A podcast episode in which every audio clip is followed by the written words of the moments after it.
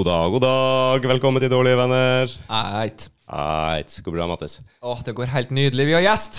Det har vi. Elias Jacobsen, velkommen. Yes, tusen takk. Du skal få en liten Hei! Såpass må det være. Det står egentlig feil vei, vei den her, for det er bare Mattis stort sett som husker å bruke de her eh, Ja, det launch, launchpaden vår. True, true. Og så må vi alltid sette på lyd. Alltid kult med sånn noise-lyder. Ja, vi har, vi har et par her. Det, det er de som er hyppigst brukt, uten tvil. ja.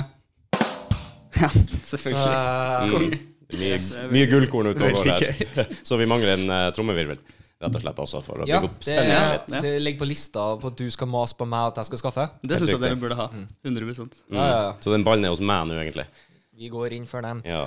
Men du, Elias. Ja, Du er også kjent som eh, Eplemost. stemmer. Kunstner.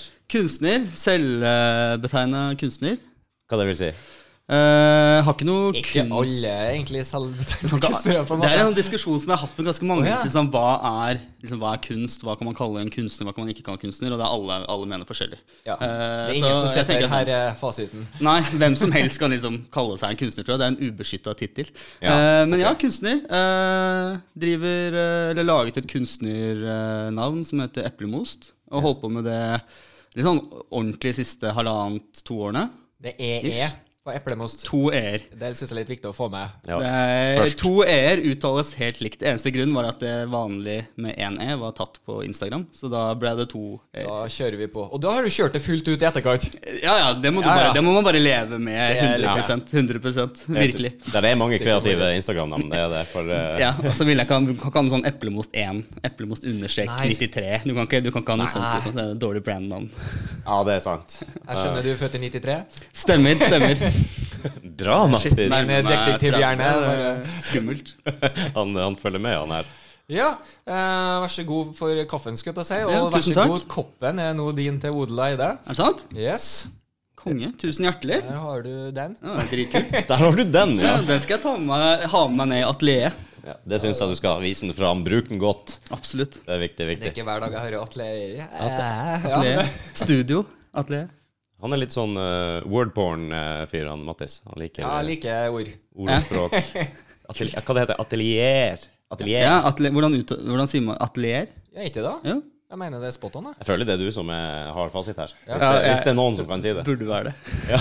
Men jeg skal ikke, jeg skal ikke love noe. Men eh, ja, eplemos ja, med to e-er. Mm. Stemmer. Nice. Jeg kan jo si at uh, du, du har en uh, felles kjent av Ja. oss, Daniel Garja, som eh, Tidligere gjest. tidligere gjest opptil flere anledninger. Og han, eh, han sendte meg en melding og tipsa meg om at han kjente en veldig interessant fyr som jeg så, så absolutt burde ta kontakt med. Det er kjempehyggelig. Og jeg gikk og sjekka deg litt ut. Det viser seg at du har jo også Du har mye på gang, du. Du har det, så det kommer vel sikkert litt til etter hvert også. Mm, Det er spennende. Men uh, takker Daniel òg for at han, uh, Ja. han tipsa oss. Jeg har et lite spørsmål. Ja. Logoen din, Mm. eplemost, Mm. Mayhem Eh, inspirert, ja. Ja. Uh, death metal-inspirert 100 Ja, ja, for det Eh, første jeg så det, så tenkte jeg Mayhem, der står det eplemost. Uh, jeg, jeg fant en font som jeg liksom likte sånn ish, og så har jeg tegna den om selv. Så den skal på en måte være unik. Den skal ikke Ah. Være en, liksom en kopi av noe, men det er jo 100% inspirert av, av det. Ja, det er ikke så vanskelig å se. Nei, det skal være, det skal være brutalt, ja. er det jeg ønsker. Ja. Ja, for dette, Jeg har jo sett gjennom på maleriene og bildene, og sånn. Jeg syns, jo det er jævla kult, for det er jo ganske Det er jo on edge. Det er det jeg liker best. da Det skal provosere litt. Det skal være, være brutalt eller litt sånn Litt på kanten, litt provoserende. Jeg begynte vel mest det med kanskje med de printsa, det digitale som jeg tegna. Eh, som jeg begynte med for, uh, for to-tre år siden. Og så har det vel kanskje gått litt bort Jeg er litt usikker. Jeg har kanskje gått litt bort fra den. Jeg har begynt å male mer. Eh, men det er på en måte det jeg har i bunnen hele tiden. At jeg vil gjerne at det skal provosere. eller at det skal være et eller annet som Vekke en, eh, Vekke en eller annen følelse, ja. i hvert fall. Og jeg som person er glad i å provosere sånn generelt, så hvis jeg kan også gjøre det i kunst, så er jo det veldig gøy. Ja. Ja. Samtidig så er det få ting som er så lite provoserende som eplemost. Helt riktig. Ja. Det er jo Der- en liten er kontrasten navnet og Ah. logoen, ikke sant? Ja. Det, ja. Ja, Det er det litt- er det- det er litt kult. Veldig godt poeng. Er, er det noe spesielt som inspirerte deg med det navnet? Uh, jeg tror det begynte Jeg skulle ha en Instagram-profil, bare en lukka profil. For jeg jobber med, jobber, med vanligvis jobber jeg med sosiale medier, og så trengte jeg en profil som jeg kunne legge ut ting som ingen ser. Eh, og det her er jo sikkert jeg vet ikke, fem- fem-seks år siden, kanskje. Eh, og da når jeg skulle lage et brukernavn, så, så var det på en måte prøve å finne på et eller annet bare for et brukernavn. Eh, og da tenkte jeg tilbake til liksom, Det minner meg liksom barndom, Sandefjord. Eh, husker vi drakk alltid liksom eplemost, og så satt jeg og drakk en eplemost fra en god gammel eplemostflaske. Eh, og så ble det liksom bare det som ble navnet til den skjulte brukeren. Og når, når det har gått liksom tre-fire år fram i tid, spol eh, fast forward, så skulle jeg sitte og prøve å finne da en kunstnernavn, et kunstnerprofil, for å lage en Instagram-konto. Så tenkte jeg faen, jeg har jo egentlig en konto med bare masse crap som er lagt ut. Så jeg bare Ja. sletta den, tok det navnet, og så åpna jeg den, lagde en logo, og så smakk, så var det Så det er litt sånn barndomsminne knytta litt til det, men mye tilfeldighet. eh, som Jeg tror det må være litt sånn at du bare Jeg går for det her. Ja, for Så eksempel sånn sitte og tenke sånn Ok, hva, hva, Ja, hva, skal jeg hete, hva skal jeg kalle meg? Ja, så Vi sånn. hadde, vi hadde jo dem, Jeg vet ikke hvor mange episoder vi hadde i starten før vi egentlig hadde et navn. Ja, ikke sant? Ja. Hva faen skal vi hete for noe? Og vi kom jo inn på så mye rart og dårlig, og gudene vet bra, det, men eh, hva var? Oppkast, tror jeg.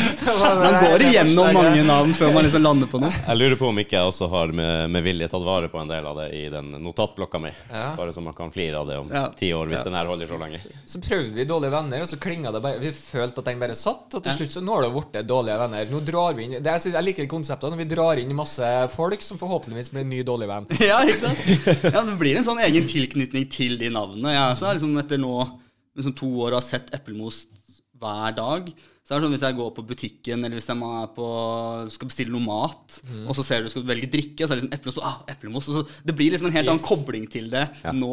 Eh, Så det er veldig gøy. Det betyr litt annet, da, plutselig. Det får en helt annen mening enn liksom drikka eplemost. For meg, da. Ikke for noen andre. Det er interessant at du henta det navnet litt fra, fra barndommen, da, for jeg så jo at mye av det du driver med, er jo inspirert kanskje fra noe som jeg også kjenner meg igjen i, tydeligvis med produkter og ting fra, fra barndommen. da. Ja, og, Ja, det går mye på liksom det. Og det er kult. Det er liksom sånne helt elementære ting da, som er fra 80- til 90-tallet, og- eller 90-tallet da, tydeligvis. Ja, ja, Du er 93 og husker, så, så var det med Og det er veldig mye jeg relaterer meg til, og så gjør det om til kunst.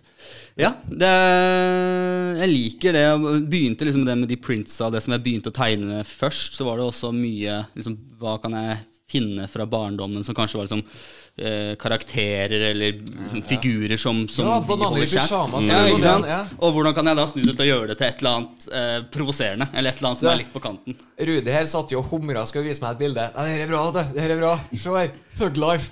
Ja, det er magen. Yes. Ja, helt det er bananer i pysjamas som har sittet inne, så han ene har liksom blitt stæba et øye på, og han andre har liksom litt tatoveringer. Ja.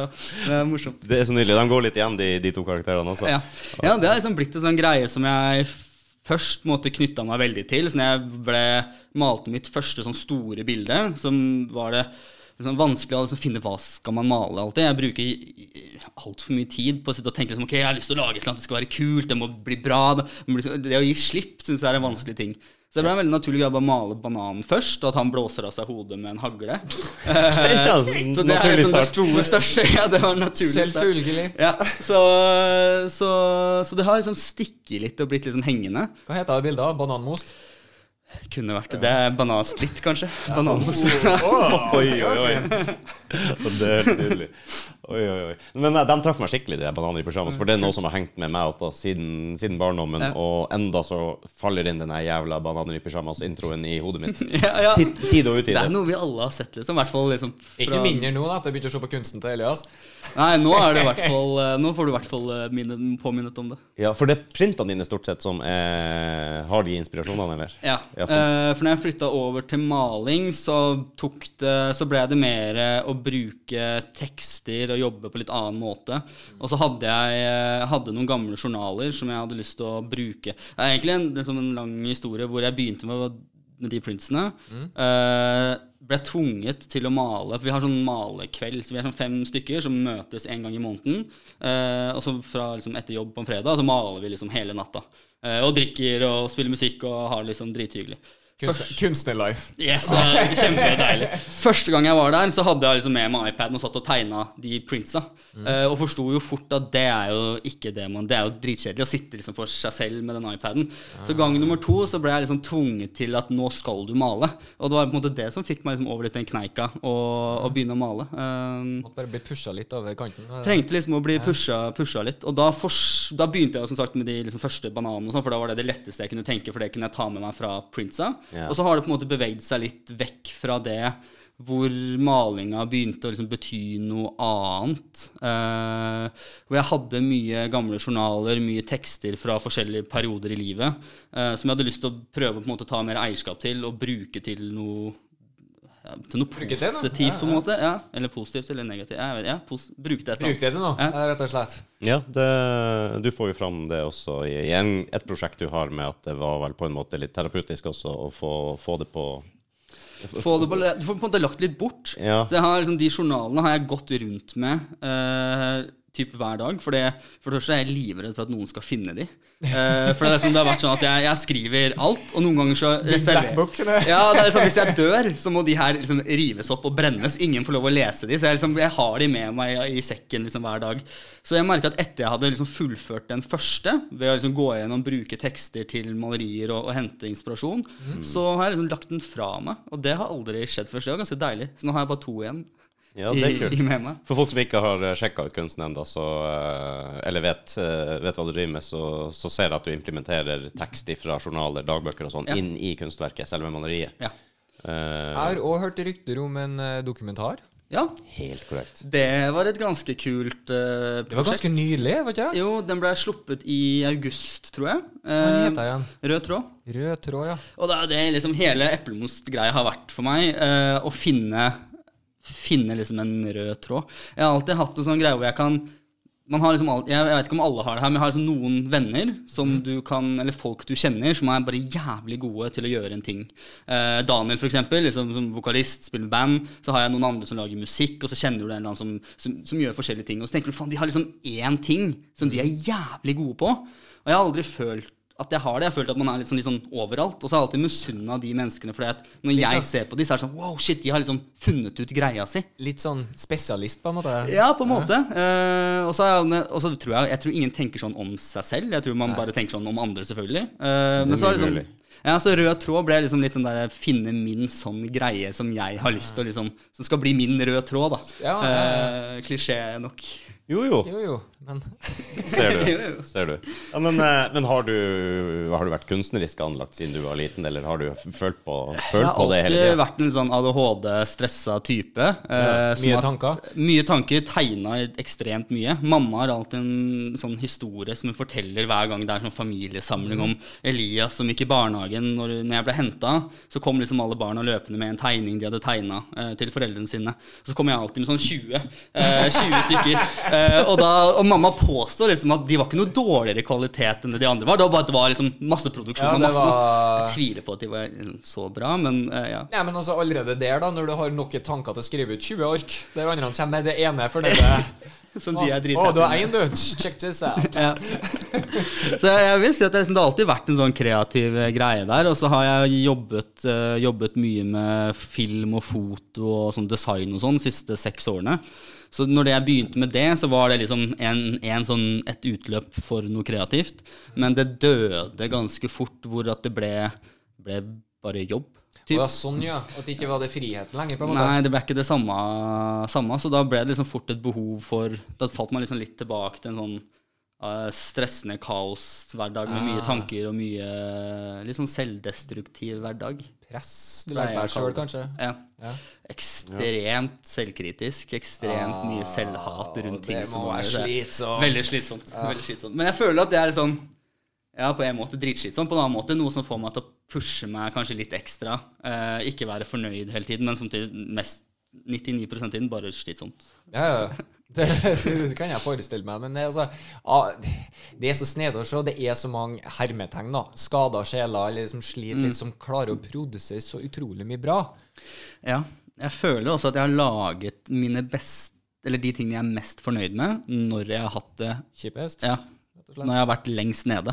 Når jeg har stått opp om morgenen og tenkt at jeg orker ikke å være hjemme i leiligheten, jeg må ut. Eh, og ta med meg iPaden eller blokk, går ut, setter meg et sted. Eh, og plutselig så fant jeg meg selv som å være en sånn som bestilte pils klokka tolv på formiddagen og satt og tegna. Så tenkte jeg shit, nå er jeg blitt en sånn. Det, det, kan, det, det, er, ikke, det er ikke bra. Det er nesten Eh, bohem. Jeg skulle til å si det. det det er ikke bra i det hele tatt. Og, eh, til eh, til liksom hvor det er bedre tider, sånn som kanskje litt nå hvor ting har løsna litt, og, og Men man nå ser jeg positivt på den. Til og med den mørketida vi faktisk kommer. Og jeg sliter med mørket. Ja. Eh, Men eh, nå er jeg litt mer positiv, for at nå har ting åpna. Nå går det faktisk an å gjøre noe. ja. ja, nå er det litt sånn at jeg savner litt sånn, Shit, jeg klarte å lage mye kulere ting da enn det jeg føler jeg kan nå. Så det er sånn, ok, hvordan kan jeg Nå må jeg finne noe nytt som er liksom kjipt. Så det blir Det er ikke Ja, det går veldig sånn opp og ned. Hva Det gjør er det jeg skal tenke på nå? Men Jeg ser, eh, jeg ser det jo ensomhet går mye igjen, i hvert fall i noe av det jeg har sett. Men ofte jeg ser jeg også folk med depresjon og sånn. eh, Mm. Ofte trekker seg jo heller veldig sammen og vil helst ikke gå ut og sånn. Men du føler også at du klarer ikke å være hjemme mer. Du må, du må Jeg ut og hadde, hadde en sånn periode hvor jeg ikke, ikke likte å være hjemme. Uh, og jeg vet ikke helt hva det kom av, men jeg tror bare når jeg var hjemme, så føltes jeg veldig, det føltes som jeg bare var hjemme alene. Og det var bare meg, og jeg ble bare gående rundt og være stressa. Og ville, liksom, jeg vet ikke, så det som komme seg ut og bare sette seg et sted, gjerne med musikk. Liksom. Det er ikke sånn at jeg må møte folk og prate med folk alltid, men det å bare sette seg et sted hvor det er mennesker rundt, hvor det er bevegelse eller liv, Ja. eh, ble liksom en sånn greie som, uh, som funka bra. Det er kult. Litt Ja, det, er ikke, distraksjon det er ikke det verste i verden, høres ut som. da Og det var faktisk eh, Du føler på at jeg må bare ut. Eh, Det var jo Få litt luft, se mennesker eller eh, dyr. Skal du si. Ja, det er ja, sant. Ja. Mennesker og dyr er kanskje samme greie. Ja, I hvert fall når du drikker pils klokka tolv, så føler ja, da er ikke det mange som er Da er vi alle i naturriket, ja. Ja. Jeg hørte det en sånn uh, intelligent uh, fyr som sa det, som jeg ikke husker hvem var. Sikkert intelligent. For det var, Shocker. ja, uh, at det er faktisk mulig å skape sin egen flaks. Ja, jo. Ja. Jo, altså hell og lykke. Det er noen som sitter hjemme og forbanner alle andre fordi at alt ramler i fanget deres. Åh, de er så heldige, de får de og de mulighetene. Det er så flaks de- de har, liksom. Og så er det jo da dem som er der ute. Mm. Som er ute og oppsøker folk, oppsøker liv, oppsøker nye situasjoner, gjør Mm. nye ting, treffer Øker mennesker. oddsen for at ting skjer. Øker oddsen. 100%. Bare se det nettverket vi har klart å få nå bare på det året vi har drevet podkasten og begynt å ta inn gjester og bli kjent med folk. Mm. Ikke sant? Det vil, eller vil ikke skape muligheter, men hadde vi aldri gjort det, så hadde det uansett ikke skjedd noe. Og det er jo litt sånn som gå og komme seg ut, søke inspirasjon. Det, jeg, jeg tror ikke mye skjer hvis man bare holder seg hjemme innenfor sine fire vegger. Nei, jeg følte jeg liksom råtna litt bort. Eh, ble liksom borte, sakte, men sikkert. Eh, Visna. Ja, rett og slett. Så, men ja, den som tilbake til liksom dokumentaren som du egentlig spurte om, så er jo det eh, Takk. Ja, ja. Eh, så tror jeg den kom ut i, eh, i august. Filma den i mars-april i fjor. Det var våren i fjor. Den går på kinoen her, Uh. Nei, den har bare blitt vist på Tøyen kino én gang. Det er bare sånn Ah, okay. dokumentar. Så det, det som var, da er en filmskaper som tok kontakt med meg, som skulle lage en dokumentarserie. Mm -hmm. uh, og så hadde han lyst til å lage en pilot først, for å få på en måte funding for å lage resten av serien. Og hver episode skulle handle om én person med en eller annen form for kreativ greie. Og det skulle vare liksom fem til åtte minutter. Uh, så han, han fulgte meg en ukes tid og var med på å liksom, filme alt fra jeg da, da malte jeg hjemme, før jeg fikk eh, atelier. Eh, um, og, og egentlig bare hadde han med som en sånn flue på veggen når jeg gjorde ting. Ja. Eh, malte, var ute og Er Ble du vant med det, eller er det uvant konstant? Uh, Uvant konstant. Det er det, ja. du, jeg følte at man liksom alltid gjør seg til litt. Man tenker alltid over at han er der. Sånn, ok, Hvordan ser jeg ut fra siden nå? Hvordan, nå står han der. Ok, nå må jeg tenke over det. Nå må jeg som tenke du over gir blanke faen om du har vært helt alene. Det. 100 Det hadde ikke vært det samme i det Jeg tror hele hvor tatt. bevisst du hadde vært på deg sjøl hvis du hadde hatt en som følger deg sånn. Ja, det, det er akkurat det jeg begynner å tenke på. Hvor bevisst har jeg vært? Jeg føler jeg hadde blitt like bevisst om noen hadde bare satt opp et kamera og gått. Bare det å vite at kameraet står der, så hadde jeg nok også blitt lite like rødt bevisst. lys der ja. Ja, for det er alltid det er et eller annet som liksom, noe, du, noe du kan bli dømt på i etterkant. da. Ja, men jeg merker jo at jeg var jo veldig var Eller ikke var, var kanskje litt men jeg er veldig oppmerksom på at eh, sånn som i podkasten her, at vi ble filma, Mm. ting ble tatt opp. Det har jeg begynt å gi blanke i. Det nå, nå bare sånn, Ja, stemmer, det blir filma, men det er ikke noe jeg tenker over lenger. Men nå har du gjort det et års tid, da. Ja. Ja. Kanskje forskjell på en uke. Ja, og så har jeg liksom aldri blitt filma på den måten før. Så det var, eh, Men en utrolig kul opplevelse. Og så var det liksom bryte noen sånne barrierer for meg selv. Det å stå ute blant folk. Det er en, sånn- en scene hvor jeg liksom står og holder et maleri. Mm, hvor det er folk som går forbi, og det er biler og sånn. Og det er bare utrolig flaut. Å liksom ta med seg det og så stå liksom midt på gata. Det ser jo sikkert jækla bra ut i dokumentaren, da. Ja, det er så dritbra. Ja? Det men det var kanskje det flaueste og vanskeligste å liksom, gjøre. eh, men så, det er en kul opplevelse. Så den kom ut i, eh, i august, og har egentlig liksom hatt premiere bare digitalt, for det var jo fortsatt Hvor kan du se den? Kan se den på nettsiden min, på eplemos.no, med to e-er. Uh, på starten, ikke midt i. Yeah, ja, det- eh, og så ligger den på Instagrammen min og Facebook-siden og alt sånt. Eh, så er det mulig. Den varer bare åtte minutter jeg har ikke sett den, så jeg kunne tenkt meg å sett den. Rudi har sett den. Opptil flere ganger. Så jeg var faktisk eh, litt så Jeg tenkte jeg skulle se den før du kom. Så tenkte Nei, vet du hva, jeg skal ikke det. Jeg skal unne meg den seinere, og så skal Ja. jeg spørre. Så da Ja. har jeg litt mer spørsmål. Jeg Smart, vet smart. ingenting.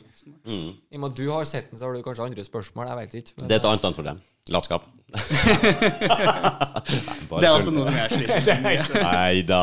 Jeg syns eh, jeg syns den var veldig bra. Jeg så den når den kom ut. Og så tenkte jeg sånn i går kveld også, for, uh, bare for Så å freshe, fresh, opp litt. ja Jeg husker den scenen hvor du står på gata og holder det store maleriet foran. Ja. Jeg tror du har hette og svart uh, Ja, stemmer. svart, Det var eh, midt under korona. Ja. Oh, ja, så det ser jo i tillegg litt sånn eh, sketchy ut, sketchy ut nesten. Ja. Så, og så har du jo motivene på maleriene dine i tillegg, som setter en ekstra liten Jeg la merke til en som jeg syns var litt fin, for det er jo bare en fun fact, men litt sånn Ja, ja. Hva, hva, det var, jeg vet ikke, husker jeg ordrett, men det var liksom Alle vennene dine skal dø. Eh, alle du er glad i, skal dø. Ja, det var det vel. Ja, Alle du er glad i, skal dø. Ja. På oransje, var det? Ja. Yes, knæsj oransje. Knæsj Derfor oransje. Derfor jeg husker den, du, jeg er veldig glad i oransje. Eh, og så står altså, altså, like, så for det- det stemmer jo. ja Men du kan, men du kan egentlig ikke gå hver dag og tenke det. Nei, du kan jo ikke gjøre det. det. Det er helt riktig. Det er en del av det var, Jeg tror det var inspirert av Kari Jakkesson, faktisk, under koronapandemien. Når ja. hun hadde alle disse videoene hvor liksom hvor hun gikk jo bananas. Ja, hun var, det klikka jo for hun, stakkars. Det var jo, var jo burde vært verna for, for seg sjøl. For seg sjøl, ja. Men hun, hun sa noe i, i de Ja, hun hun lagde noen sånne sjuke lange videoer, og så var det en som Nå husker jeg ikke hva han heter, men som lagde en remix av den ene videoen som ble en låt. Og der er det, der er det liksom en sånn hvor hun står og gjør aerobics, og så er det liksom 'Alle du er glad i, skal dø'. Alle du er glad Det er en sånn Den, den videoen har jeg gått på repeat så mange ganger. Den må jeg også se. Den Ja, den skal jeg sende deg. Den den hørtes ut som var right up my alley. Det er min humor. Så det, så det ble inspirert av, av alle de sjuke utsagnene som hun kom med. Så jeg har et ark hjemme med masse sånne utsagn som jeg tenkte jeg skulle lage på, og så ble det to bilder eh, hvor det er det ene. Dette var jo trimdronninga i Norge. Hva, Ja, hva skjedde? Det, det er utrolig. Fallhøyden var stor. Det, ja, det klikka helt. Det er jo hyggelig at hun kan inspirere komikere og kunstnere og eh, Det blir mye bra ut av det. Jeg, er så inviter, gærent. jeg inviterte hun på når jeg hadde min første utstilling. Så inviterte jeg hun til utstillingen. Og så sendte hun mail og sa hun skulle komme, men hun dukket aldri opp. Så det var litt kjedelig. Ble du det- ghosta av Kari Jakkesson? Rett og slett. Rett og slett. Jeg hadde gleda meg skikkelig til at hun skulle Ja, komme. selvfølgelig. Det skjønner jeg jo. Det var litt trist. Jo, jeg tror det det er ikke sånn at jeg ikke kunne tenkt meg å ha Kari Jakkesson som gjest i podkasten, f.eks. Det hadde vært et utrolig liv. Ja, altså, jeg har hatt et par spørsmål der. Ja. Skal du bare eh, kritisere kostholdet mitt. Ja vel, men La oss prate om koronapandemien. Det er noe du burde gjort med Ja. Kari Jackson. Få inn hun og Charter-Svein samtidig. Kan Det kunne vært eh, har- Shit, det vet jeg ikke om jeg hadde orka, det, han Østviken der, han tror jeg takla fint. For at ja. han har sånn positiv energi. Ja. Han det, det, og det kan jeg på en måte like, for han, han skal jo ikke være her hele dagen. Nei, nei. Så sant. det går jo sikkert greit. dose? Jeg har jo opptil flere venner òg, der jeg sier at eh, det er knallvenner, men jeg må ha dem i doser. For det kan Ja, ja, bli litt mye. Du må si ifra. Til å komme seg hjem igjen. Jeg er glad i deg, men Men Nå begynner klokka å bli mye. mm, mm. Jeg kjenner jeg, jeg har litt sånn blanda følelser med, med de maleriene og alle de der eh, Den, eh, den aggressiviteten i det, Mm. da, og alt det der når jeg ser på det. Det, det som er kult, det er at uh, du ser jo noe nytt hver gang du studerer. Du, du har så mye detaljer, du har tekst, du har forskjellige ting. Jeg så et hvor det poppa opp noe i bakgrunnen som jeg egentlig ikke hadde sett før, uh, før du må gå inn og se litt. Men jeg har sånn mixed feelings med de der eh, veldig aggressiviteten. Ja. Og Ja, men det, liksom det er jo kontraster òg, da, føler Ja. jeg. Nå, nå skal vi synse, for vi er Ja. så jævla gode på sånt. Jeg Eh, vet ingenting om kunst, bare så det er sagt, så kan vi legge det. Legge det. Men jeg vet jo hvordan man føler, og, og sånn. Og jeg er har, jeg har bestandig vært sånn at jeg vil ha negative ting bort. Jeg vil, uh, vil ikke bli men konfrontert med det. Og vil kontrastene ikke som jeg liker, da, med Ja. den der brighte, positive fargen med kanskje litt sånn dyster bud, budskap, jeg vet ikke, men uh, en tekst da, Ja. som, er, som da bryter litt med Karin i, som jeg liker igjen. Men du, du oppnår jo akkurat det du er ute etter med å provosere. For det får meg skikkelig til å OK, jeg digger maleriet, for det er kult. De ser bra ut. Ja, Jeg og det er ser veldig bra å Men, høre. men så har du samtidig den der Ja, en provoserende en provoserende greie som stikker deg, så du må reflektere litt på og se litt på OK. Er det? Sånn som alle du kjenner skal dø. Ja, det, Det, det, er jo stemmer jo, måte det. det, skal, Ja, det stemmer jo absolutt, og det skal jo provosere. Det er det jeg Ja. ønsker. Og jeg er veldig glad. Jeg alltid Jeg eller, kan ingenting om kunst, har ikke studert noe kunst. Jeg har liksom bare kommet fra det, så da er vi på samme, samme nivå. Men jeg har alltid vært fascinert. Jeg syns det er kult med ting som har mye detaljer. Ting som akkurat det som du sier, som hvis jeg kan se på et bilde, altså hver gang jeg ser på det se ser en ny ting, det, er på en måte, det syns jeg er det kuleste hvis jeg skal kjøpe noe kunst selv, eller hvis jeg skal liksom ha noen bilder eller et eller annet. Så det har på en måte vært en sånn, et ønske jeg har hatt når jeg har laget ting, at jo mer detaljer jeg kan gjøre uten at det blir sånn cheesy eller dårlig, jo, jo, jo bedre føler jeg rundt det. Så det at du sier det, er, det er rett, eh, helt rett hjemme hos meg. Det er kult. veldig kult. Takk. Ja, Kan det, jeg, kan jeg jekke ned intelligensnivået her litt nå med å si at uh, uten sammenligning for øvrig Leste du Donald? Leste mye Donald. Yes. Og det er en som var master i detaljer. Don Rosa. Stemmer.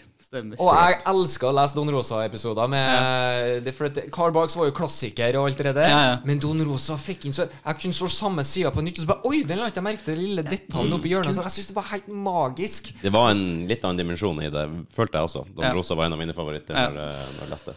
Ja, det, så det er akkurat samme tankegang jeg har lyst til å ha. Eh, mer detaljer, jo, jo kulere er det. Så jeg holder på med et bilde nå som, eh, som er med en sånn stor drage med masse kirker som brenner. Eh, og det egentlig skulle I'm intrigued.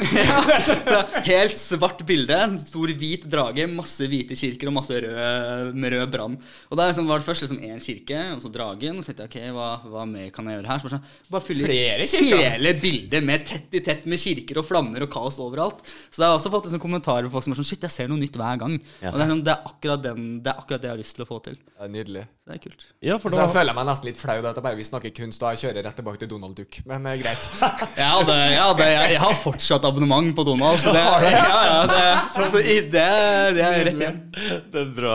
Å, Donald er, det er bra, da. Rett og slett. Skal ikke si det. Jeg, Jeg tror jeg jeg hadde sånne permer hjemme da jeg var liten. jeg. Jeg hadde det, den. du, jeg har det ennå de på gutterommet. Skal du si, det står det liksom 91, 92, Ja, ja. 93, for jeg er så gammel. Ja. 94, Og du kunne legge inn bladene du, du hadde, Ja. så abonnerte på inni de permene. Ja, Ja. stemmer det. Jeg har- tror jeg har tre sånne permer i boden et eller annet sted. Å, jeg har nok mer enn det, ja. Så kom det jo en liten ting i bladet også, så det var jo så artig. det. Det var nydelig. Ja. Jeg kjøpte Donald-blad for ikke så lenge siden på butikken, og jeg fikk med en sånn helt sjuk leke. Som var en sånn BMX-sykkel som du måtte skru sammen selv med skruer og What? sånn What? greier. Sånn strikt eh, er Samarbeid med Ikea, eller? Det var helt sjukt. Jeg tenkte, Hvordan kan en kid klare det her? Jeg satt dritlenge og prøvde å skru de der Jeg brukte altfor lang tid på å skru sammen den leka. Det er veldig morsomt. Ikke det. Jeg spilte et spill, faktisk, eh, her som jeg spilte som guttunge på PlayStation. Ikke sant? Så tenkte jeg bare, å, husker jeg, det her var jeg jævla god i. Fy faen, hvor jeg sleit. Jeg sleit som faen. Og jeg tenker, herregud, Mattis, 11 år, nailer jo det her. Det er, jeg, har best, jeg har begynt å liksom sjekke opp gamle filmer og gamle spill, sånn som jeg syntes var kult da jeg var liten. Jeg har bestemt meg for at det må jeg bare slutte å gjøre, for det, det bare ødelegger det. Ødelegger det fantastiske minnet som jeg har fra det spillet eller den filmen. For det det er ikke så bra som det jeg trodde. Ellers er jeg dritdårlig. Du har en tendens til å hype det opp det fra da jeg er barndommen. Ja, Så husker noe som er jævla kult, så blir det ekstremt kult eh, ti år senere. Ja, ja, ja. Ekstremt. Det har skjedd så mange ganger. Ja, ja. Så ellers Har du lært noe om kunst? Ja, jeg, jeg eh, kjenner jo at jeg er en kunstkjenner. Ja. Eh, kjenner også det. Men jeg har aldri hatt, hadde egentlig behovet for å se på kunst og liksom prøve å utfordre meg sjøl, eller se om man føler noe når du ser Ja, på det. det. jeg, jeg, liksom. jeg fikk en sånn Jeg har ikke vært noe sånn kunnskap og ut og se og alt sånt der. Men det er én ting som plutselig bare Hva er det her? Det må jeg se litt mer på. Puls Wagner. Ja. Ja. Det, det var et eller annet der som jeg bare Enig. Hva er det her? Jeg må se mer av det. Uh, er det Enig. flere malerier? Altså, jeg bare likte hele greia, og så kom dere dokumentaren. Den måtte jeg jo se. Ja. Uh, mm. det, der jeg snakker om detaljer. Så det er sånn, person er jo gud når det kommer til de tingene der. Som jeg Så kan se på bildet i en evighet, og så er det alltid et eller annet smådetaljer som dukker opp. Ja. Dritkult. ja, det, men dere òg knæsjer farger, mye detaljer. Mm. Så tydeligvis det tiltrekker seg mot deg, da Ja. ja, det er altså en sånn ting som jeg har liksom blitt overraska over selv. Jeg bruker liksom mye sånn neonrosa og, og oransje og sånn. Så sånne farger som jeg Jeg går i kun svart og hvite klær. Eh, alt rundt meg er bare sånn ja, Veggene mine hjemme har jeg malt svarte. Svart liksom hyller. Alt er bare sånn svart og hvitt. Men når jeg skal male, så er det sånn Ja, faen, det her er kult! Knæsjrosa! Ja. Neonrosa! Pff. Jeg skjønner ikke hvor det kommer fra, men det er et eller annet med det som liksom tiltrekkes. eh, Jeg er jo glad i farger. Det ser du kanskje. Og rødt her og der, og oransje klær og sånn der. Men eh, det har bestandig vært sånn, så jeg liker den biten når du smekker. Og så altså liker jeg òg faktisk at veldig mange har det mørkt, men da får den fargen så jævlig farge. Ja.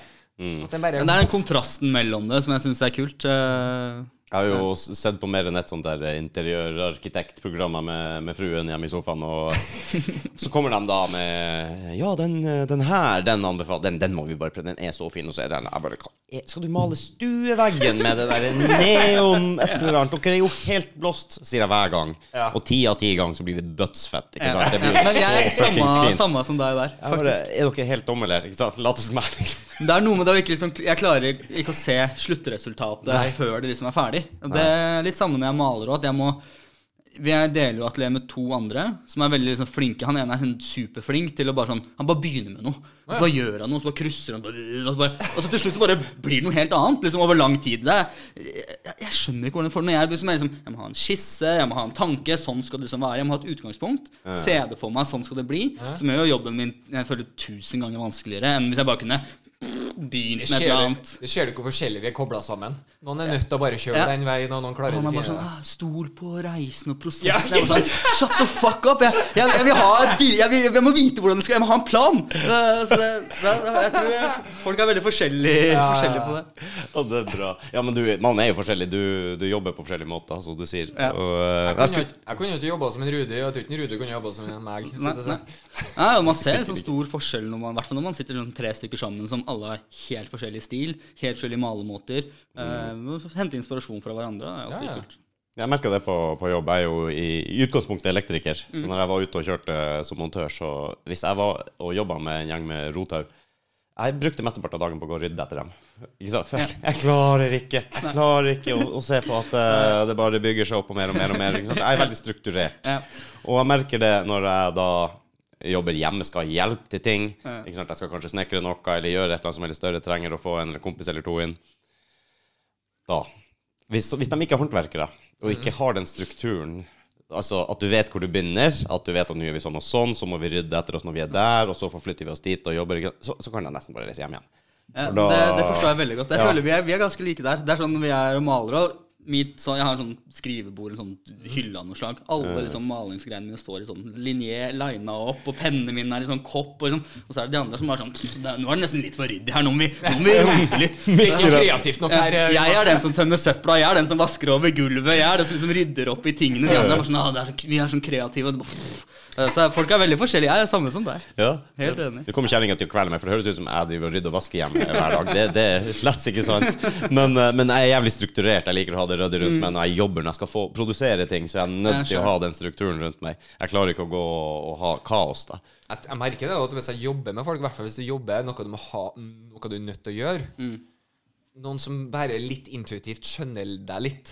Ikke sant? For da kan Mm. du samarbeide uten at du trenger å forklare alt og forklare det tre ganger. Og, Det er gjøre det sjøl. Ja, det er, og så blir jeg veldig sånn, så jeg blir jo veldig sliten med det. ene og dagen, og plutselig Jo, jeg kunne jo fått han til å gjort det og det, men jeg, jeg sto nå her, jeg var nå her, så jeg bare gjorde det sjøl, jeg. Ja, brukte kortere tid, og du slapp masse Yes. ekstra stress.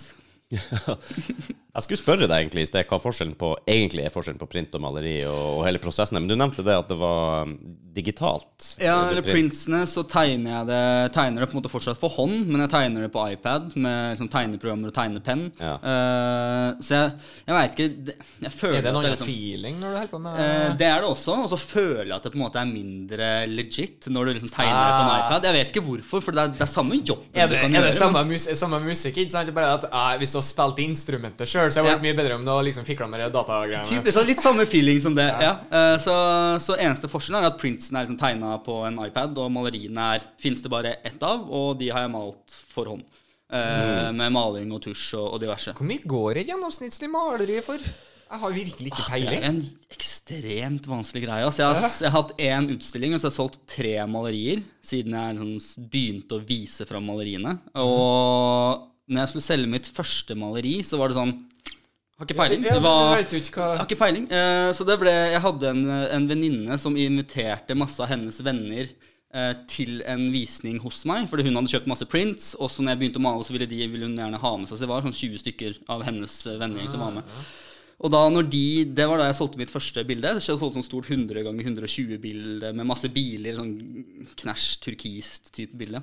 Og da sa jeg bare til henne at du får bare, bare velge pris, du, for jeg har ikke peiling. Eh, Og så er det litt det der med å liksom skal man liksom ha baller til å si ja, det bildet her det koster liksom 40 000 kroner? Det, er sånn, det, det har jeg ikke selvtilliten til å gjøre. Så, så hun solgte det første bildet mitt. Og da, så de som jeg har solgt nå, har ligget mellom 5000 til 30 Eh, og Ja, det er spenn der òg, da. Det er veldig, veldig gøy. Eh, Jeg solgte et bilde her om dagen som jeg sendte av gårde i går. Som jeg solgte for 8005. Eh, så det er, det er kjempestort. Det sånn, Ja, ja. hva, det, det, er jo litt sånn hva du er villig til å by. ja, det er litt det. Det er litt sånn klisjé og sagt, men kunsten er verdt det folk er villige til å betale for det. Ja, ikke Ja, sant? så har det vel sikkert litt hvis du bygger det opp litt uh, reputation og sånn, så Ja, har vel det noe å si. Er? Men det er vel sikkert size-størrelser og Ja, hvor mye tid man bruker og jeg vet ikke, men man kan jo liksom, sånn som det 'alle du er glad i skal dø', det har jeg jo ikke brukt like mye tid på som alle kirkene, som har ekstremt masse detaljer, f.eks. og mursteiner. Liksom. Det tar jo lengre tid. Ja, ja, mens det bildet har jeg jo solgt for en mye høyere sum enn det jeg tror kanskje jeg kan selge det andre for. Så det er veldig sånn Kommer litt an på hvem som kjøper og kanskje. Jeg vet ikke. Ja, og hvor, peng, hvor pengesterk den eh, kjøperen er. Det har veldig mye å si. Det Absolutt. Har du eh, Men du har hva skal si, begrensa oppslag på prinsene dine? Uh, ja, jeg har prøvd å gjøre det Ja. uh, for at ikke det skal For det, det er så sykt mange som selger prints, føler jeg. Og i hvert fall under korona så skulle jo alle begynne å selge Ah, prints. Uh, og alle som kan tegne, skulle gjøre det. Og det er på en måte dritkult. Skaper masse, motiv- masse inspirasjon og, og sånn. Men da all, alle selger det for liksom 500 kroner til et par tusen. Ja. Så jeg tenkte at hvis jeg kan lage bare ti av hver, så blir det kanskje en sånn å skape en følelse ja, av ja. eksklusivitet. Og så kan jeg sette opp prisen litt på det, for da har jeg ikke så mange. Eh, og så gjør det litt gøy for meg hvis jeg selger Ja, det er jo litt kult for kjøperen òg, tenker jeg. Her er bare én av ti. Og Ja. det syns jeg var kult når jeg var og sjekka ut litt, jeg også. Ah, kult, det er begrensa oppslag her. Ja. Det er bare jeg gjorde OK, greit. Det har vært kult å ha igjen. For da har du virkelig Ja, for det, da har du virkelig Altså, jeg, jeg syns den er kul. Det er bare ti av den. Er det bare ti av en? Jeg har virkelig lyst på den her. Og så er det bare å holde seg i skinnet da, hvis de plutselig bare boom, selger. Bare Ja. OK, skal jeg lage ti til, eller? Ja, ja, det, ja. Det, kan, Det- det kan du jo nesten ikke gjøre, da. Nei, jeg, jeg har liksom hatt den tanken at hvis det er et av bildene som er sånn pff, her alle går ut med en gang, så kunne man liksom hatt en, en, utgiv, en, liksom en ny versjon, da. Eh, opplag nummer to, liksom. Men jeg har tenkt at da, da jeg så Da vanner man det litt. Da Nei, er går du bort fra den eksklusiviteten som du Så Hvis jeg hadde kjøpt et bilde selv, da, og så hadde jeg tenkt at dette er ett av ti, og så nei, nå slapp han ti til, så mister jeg litt den der Det var det jeg tenkte på også, ja. Hvis du annonserer det, så Jeg tror det var en bra vurdering. Ja, kult. Bra. Det er godt å høre at ikke det Ja, nei, for jeg, jeg kan jo ikke selve sikker. Ja, jo, jeg kan jo Kunstkjenner som jeg er. Ja ja, Så altså, var det en god avgjørelse. Men etter denne podden så er vi kunstkjennere, uten tvil. Da, er det, da føler jeg meg Ja. Ja, ja. Snart 100 utlært. Snart. Det var kanskje frekt mot deg som eh, skjønner seg på kunst, jeg vet ikke. Ja, jeg, jeg, jeg har ikke peiling. Jeg, drar, jeg har begynt å liksom, siste årene dra på mer liksom, utstillinger og se på andres kunst. Mest for å liksom, finne inspirasjon selv også, for å liksom, lære nye ting. Men også merka det at jeg skal det er veldig mye kunst som jeg kan bare stå og se på som det her føler ingenting. Jeg har ikke peiling. Hva skal det, her, hva skal det gi meg? Her er bare et Eh, bilde på veggen. Ja, dette her er jo noe som hvem som helst kunne gjort, men det er sånn som alle sier det, så gjør man det jo aldri. Men man, man har en sånn feeling at liksom, dette, dette gir meg ikke noe. Um, så sånn, å være, liksom, være, å være en kunstkjenner, liksom, da skal du ha studert kunst, og det er malt på Jeg den ser jo inspirasjonen kommer fra den tidligere ja, liksom, barokke det er brukt den penselen og sånn og sånn metoder. Sånn. Det, det kan ikke jeg. Jeg har ikke peiling. det, det er jo ting som jeg ikke bryr meg om, for jeg liker jeg det, så liker jeg det. Ja, litt Så, samme så kan jeg heller kanskje i etterkant finne ut hva er det her jeg faktisk liker. Da. Så kanskje jeg finner en rød tråd. Yes. Jeg syns det er litt morsomt hvis du kan ha et eller annet, og så oppdager du, eh, oppdager du noe nytt om det seinere. Jeg har alltid hatt sånn musikk Ja. òg. At det er jeg har et album, og så har jeg hørt på det. Og så, så kanskje lærer jeg noe om det i etterkant. Og sånn, shit, fuck, det albumet her ble jo ti ganger fetere nå. For nå visste jeg at de gjorde det sånn og sånn, og det var en historie bak var det. det de mente med de greiene jeg ikke skjønte? For eksempel. Ja, ja. Jeg hadde det med, med, med Daniel, faktisk, som fortalte meg om eh, Faith No More Angel Dust. Hvordan de lagde det albumet. Og da hadde jeg liksom hørt på det. Jeg var litt for ung, så jeg hadde ikke liksom så forståelse for Faith No More.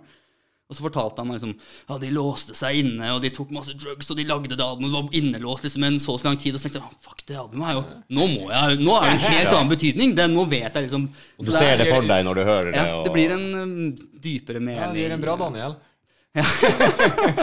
Når jeg leser mye hvis, hvis jeg leser bøker, så er det ofte selvbiografier av musikere.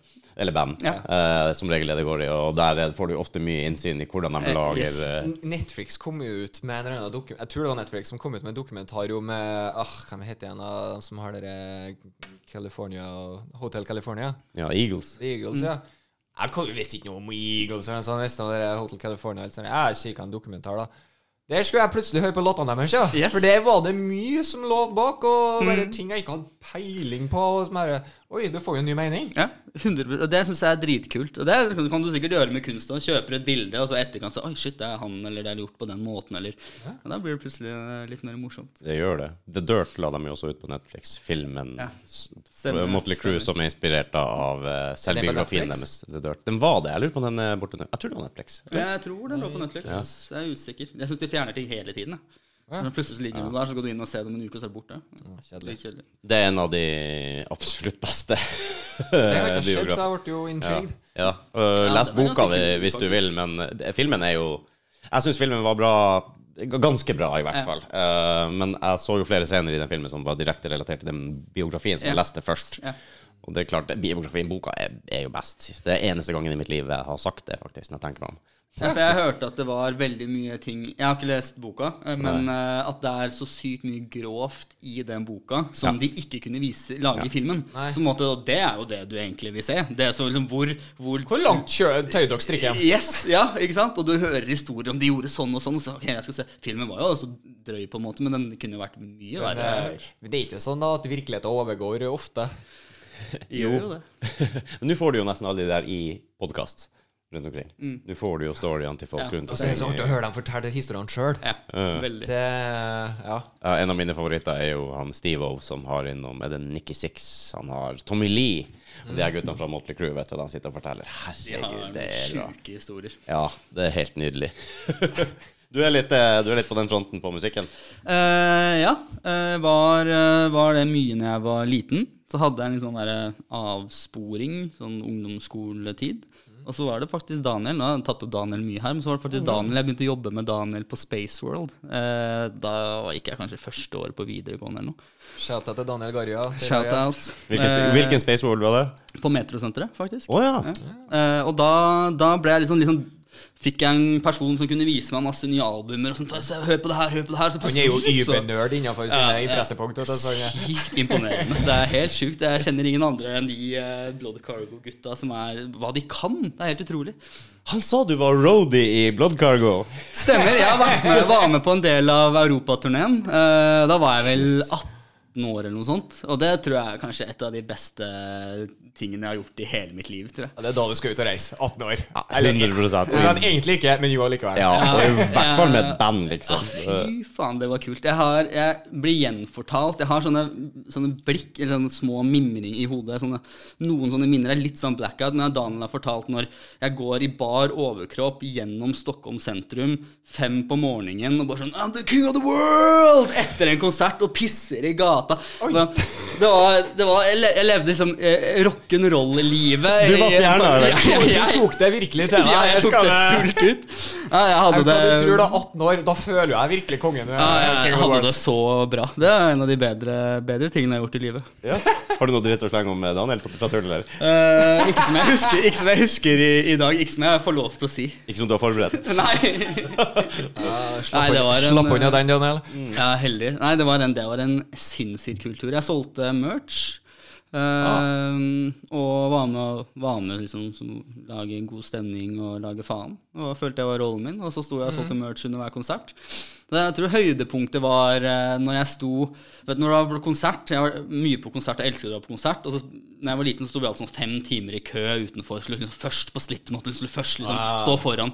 Og så har jeg alltid liksom misunnet de som står sånn på siden av eh, der hvor, oppe på scenen hvor bandene spiller. Så tenkte jeg, Hva faen er de som kan stå der på siden? Det er liksom dama deres eller et eller annet. Så jeg har alltid hatt lyst til å gjøre det. Og når jeg da står eh, Fikk jeg da gjøre veldig mange ganger på turneen, men når jeg da står på Rockefeller bak scenen og dusjer mens Kajus har eh, soundcheck på scenen, og hele dusjen inne på Rockefeller rister, og etterpå så står jeg bak der Står jeg på den, på den siden som jeg liksom drømte om hele Ah, tiden jeg var liten. Ja, det, var, det sjekka så mange bokser I made it. Det, da følte jeg sånn fra herfra så går det bare nedover. Her er det, nå er det ikke noe mer jeg kan eh, Det var, nei, det var stort. Det var Ja, kult. Ja, men man, det, det er jo, Hvis man trives og har det artig, så er du the king of the world. Og i hvert fall ja, Jeg du, følte meg helt eh, konge. Nydelig. Sov i nightliner og ja, Det var kult. Oi. Det var kult. Det der er jo drømmen for enhver, er det ikke det? 18-åring? Ja, veldig mange, i hvert fall. Ja, jeg hadde hoppa på hvis jeg hadde fått den muligheten. Jeg skal love deg det. Det er ikke sikkert noen hadde sett meg igjen. Nei, det kunne jeg bare blitt, blitt der, så hadde jeg gjort det, men det Jeg kan si at uh, hun som jeg nå er samboer med, var på turné med Manor. Det er ganske kult. ja, det er ganske Det er kult. ganske kult. Og havna også med dem på fest i Finland sammen med Him og Nightwish og Manor og gjengen, liksom. Og Ja, bra du kan sitte og fortelle om det. Hun hun er også med i DVD-en deres, blant annet. Men eh, Da har du også følt deg sikkert som king of the world. Altså, jeg tippe. jeg følte meg som det etterpå. ja. Ja, ja, ja. Vi var faktisk ikke sammen på, akkurat på det tidspunktet, men hun var på besøk og så konsert med dem her på Rockefeller. Og hun kom seg aldri ut derfra. Hun ringte fra Danmark eller Finland eller Jeg husker ikke. Da hadde han plukka og tatt henne med i bussen. Shit! Det er kult. Rett, rett og slett. Så hun heiv seg med dem eh, til en sånn eh, I hvert fall i alle landene i Norden, og jeg vet ikke om de var andre steder. Det var Brukte å sitte på motorsykkel når de kom på scenen og, Ja. og sånne ting. Så det var litt interessant. Ja, Det er gøy, altså. Det, det å oppleve det var, eh, var veldig stort. Så all, eh, all takk til, til Plotcargo som ville ha med meg som sånn liten drittunge på 18 som vi skulle være med rundt på turné. Ja. Er det stor aldersforskjell, da? Var du mye yngre enn alle dem? Ja, de er jo eh, sikkert dobbel, var dobbel min alder når jeg var med på det. Ja. Uh, så jeg var jo, var jo en liten drittunge som løp rundt og lagde faen, uh, mens de var liksom voksne. Og, men jeg følte at vi på sånn mentalt sett så var vi ganske like på mange punkter, kanskje. Og det var derfor vi kanskje var uh, Jeg trivdes med de som var litt eldre. De, Ja. de Jeg vet ikke, et, et eller annet må de ha likt. Det, Ja. Det, var, ellers det var sikkert. Nei, du var vel rett type, da. Tok ting, ting ikke så, så tungt. Nei, nei, jeg var mye ute, ute i Rælingen og var med på bandøving og brukte mye tid eh, der ute. Var sånn hangaround. Ja, var egentlig bare sånn, sånn eh, ja, roadie-type. Det er bra. En venn av bandet. Ja. Hva er din tittel her nå? En Venn av bandet. Venn av bandet. Ja. Det er bra. Få Lage egen- faen. egen Det er mye konserter hvor vi liksom spill, De spilte på alt fra liksom hvor det var mye publikum til det ikke var noen publikum. Og vi har selv om vi har vært liksom fire-fem stykker som har stått foran, og fortsatt lagd moshpit og fortsatt lagd et helvete og lage liksom show. Eh, Ja, Gikk du ut og fiksa, eller? Ja, ja, hvis jeg var med, liksom. Ja. Jeg var jo alltid med, selv om jeg ikke Når de bare hadde vanlige konserter også, så var jeg, dukket jeg alltid opp for å se konsertene. Ja, okay. eh, fordi jeg kjente de så godt. Så da var det som hvis jeg hadde med meg noen venner, så var det sånn var vi tre da, eller fire som lagde moshpit foran og lagde faen for å lage god stemning. Eller om det var dritmasse folk. Så jeg har liksom vært med på det, det mye av det. Så det var jo utrolig kul erfaring å ha. Ja, det tror jeg på. Bare, det- bare opplevelsene alt rundt det er jo Mm. bare nydelig. Ja. Du er i hvert fall ikke redd for å være litt ute av deg sjøl og stikke hodet fram? Og, eller har du Nei, jeg Eller både og. Eh, litt sånn i perioder hvor jeg både Det kommer litt an på hvilken type sånn, scenario, hvilket område man er på. Hvilken sånn scenario i livet. Jeg har hatt en sånn periode hvor jeg var ungdomsskole, videregående, vært liksom liker å være i midten og lage Alltid han som sitter i klasserommet og, og slenger kommentarer og lager Ja. vitser og, og er liksom litt sånn Litt dritt- klovn. Ja, klassens litt sånn klovn, lager litt sånn dritt, eh, drittungestemning. Ja. Til jeg begynte på litt av det som, som blir voksen. Og så liksom Ja. begynte på høyskolen hvor det plutselig bare endra seg mye, hvor jeg liksom ikke ville være det. Og så har jeg liksom, jeg vet ikke, finne liksom min vei, finne en rød tråd. Finne en rød tråd, ja. Nå kommer liksom tilbake, så Ja, den røde tråden kommer tilbake. jeg gjør det. Så ja, liksom begge deler, egentlig. Det er bra. Hva du planlegger nå framover, da? Eh, jobber med mye nye malerier. Eh, samme som liksom i barnehagen, så har jeg sånn fire-fem malerier jeg maler på samtidig. Eh, for jeg blir fort lei av én, så da bytter jeg på å male på en annen. Og så blir det liksom, nå har jeg en sånn bunke. Venter du litt på inspirasjon på Oi, vet du hva jeg kan gjøre med det bildet? Ja, og så bruker jeg, sitter jeg mye og liksom ser på Prøver å finne inspirasjon andre steder. På Instagram eller på, på nettet, eller dra på ting. Og liksom tenke ah, shit, det der var kult. Hvordan kan jeg gjøre det på min måte? Inn i det som jeg har begynt med fra før. Eh, så er det vanskelig å vite når man er ferdig med noe. Liksom, så jeg har en sånn bunke ja, det er jo det. For du vil jo alltid tilføye noe. Ja. Ja. Det merka jeg veldig tydelig første gang jeg skulle ha en eh, utstilling. Hvor jeg hadde satt opp alle bildene mine bort, og liksom timen før de kom, så gikk jeg rundt med, med sånn, Fuck, her er det masse ting som er feil! Jeg har ikke sett det her før! Shit, nå, jeg kan ikke vise det. Så, Det er jo triks det også bare vite når du kan stoppe. Det har vi jo hørt flere eksempler på. Av og til så er det bra nok. Av og til så, så ja, det er en vanskelig greie. Ja, og i hvert fall med det, hvis ikke du er den typen som visualiserer det på forhånd og vet akkurat hvordan det skal bli, og så går vi løs på oppgaven til det liksom er ferdig, Mm. Ja. så er det liksom Finne det der balansepunktet og stoppe i tide. Ja, det er en vanskelig greie. For mye kunst er jo minimalistisk òg. Ja, det, ja, herregud, jeg har sett liksom noen bilder som bare sånn Her er det en, en farge, og det er det. Så strek. Sånn, hva, ja, hva er det? Uh, det er sånn, ja. Nei, så jeg, jeg vet ikke helt. Jeg, har, jeg jobber med mye forskjellige malerier samtidig, og så har jeg lyst til å ha en utstilling til. Og så har jeg uh, kategorisert ting i sesonger. Eh, Jeg så det. Det var ja. kult. Og episoder og Ja, har tatt litt sånn inspirasjon fra sånn klesbransjen og sånn, som alltid har sånn drops. Så nå, nå kommer det en ny, liksom, et ny drop, og så liksom, står alle kidsa i kø og skal kjøpe liksom, en, et par Som, sko. summer edition. Ja, ikke sant? Typ, og sånn, ah, Supreme slipper, har et drop, og alle bare sånn, ah, shit. Limited edition. Og det, ja, det skaper en eller annen hype, i hvert fall der. da, så jeg okay, Hvordan kan jeg ta Ja, det var jo kult. Det var det første Rudi sa til meg. Sjekk det, Han hadde delt opp vet i i sesonger. Så jeg synes det var kult. Jeg. Ja, jeg også liker det. Ellers, ja, jeg liker det. Så jeg, sesong fem er vel neste som kommer. Ja, sesong én, to og tre er prints. Sesong fire var malerier. Og sesong fem skal jeg også ha malerier. Sesong seks tror jeg jeg skal ha prints igjen. Lov meg å si ifra når du skal ha et eller annet utstilling, eller noe sånt, for jeg kunne faktisk tenkt meg å være- Jeg har Ja. jo ikke dratt på noe sånt før. Nei, men herregud, jeg har vært med- det må du bli med på. Ja, eller jeg har vært med tanta Hun er kunstner, og da. Jeg har vært med tanta mi liksom unge og sett på noe maleri, men da, da, da henger du ikke med. Nei, det er ikke det samme. Eller du henger bare med. Det Du må dra på noe som du selv syns liksom, som du interesserer nå yes, for. kunne jeg tenkt meg Nå kunne jeg tenkt meg å ha dratt og sett, så Kult. Ja, det skal jeg si fra. Ja, Ellers så er det. du alltid velkommen til å komme inn til atelieret og se på, på det rot var i atelieret. Du, det er jo uh, Hvor du har at- atelier Atelier? Atelier. Eh, I Storgata i Oslo. Så mm, rett ved liksom den der McDonald'sen som ligger på hjørnet. Vet du hvor Nei, AI Club, den rockepuben som ligger i Oslo. Det ligger, vi deler bakgård med de, så det er veldig sentralt. Er det rockeklubb der, sa du?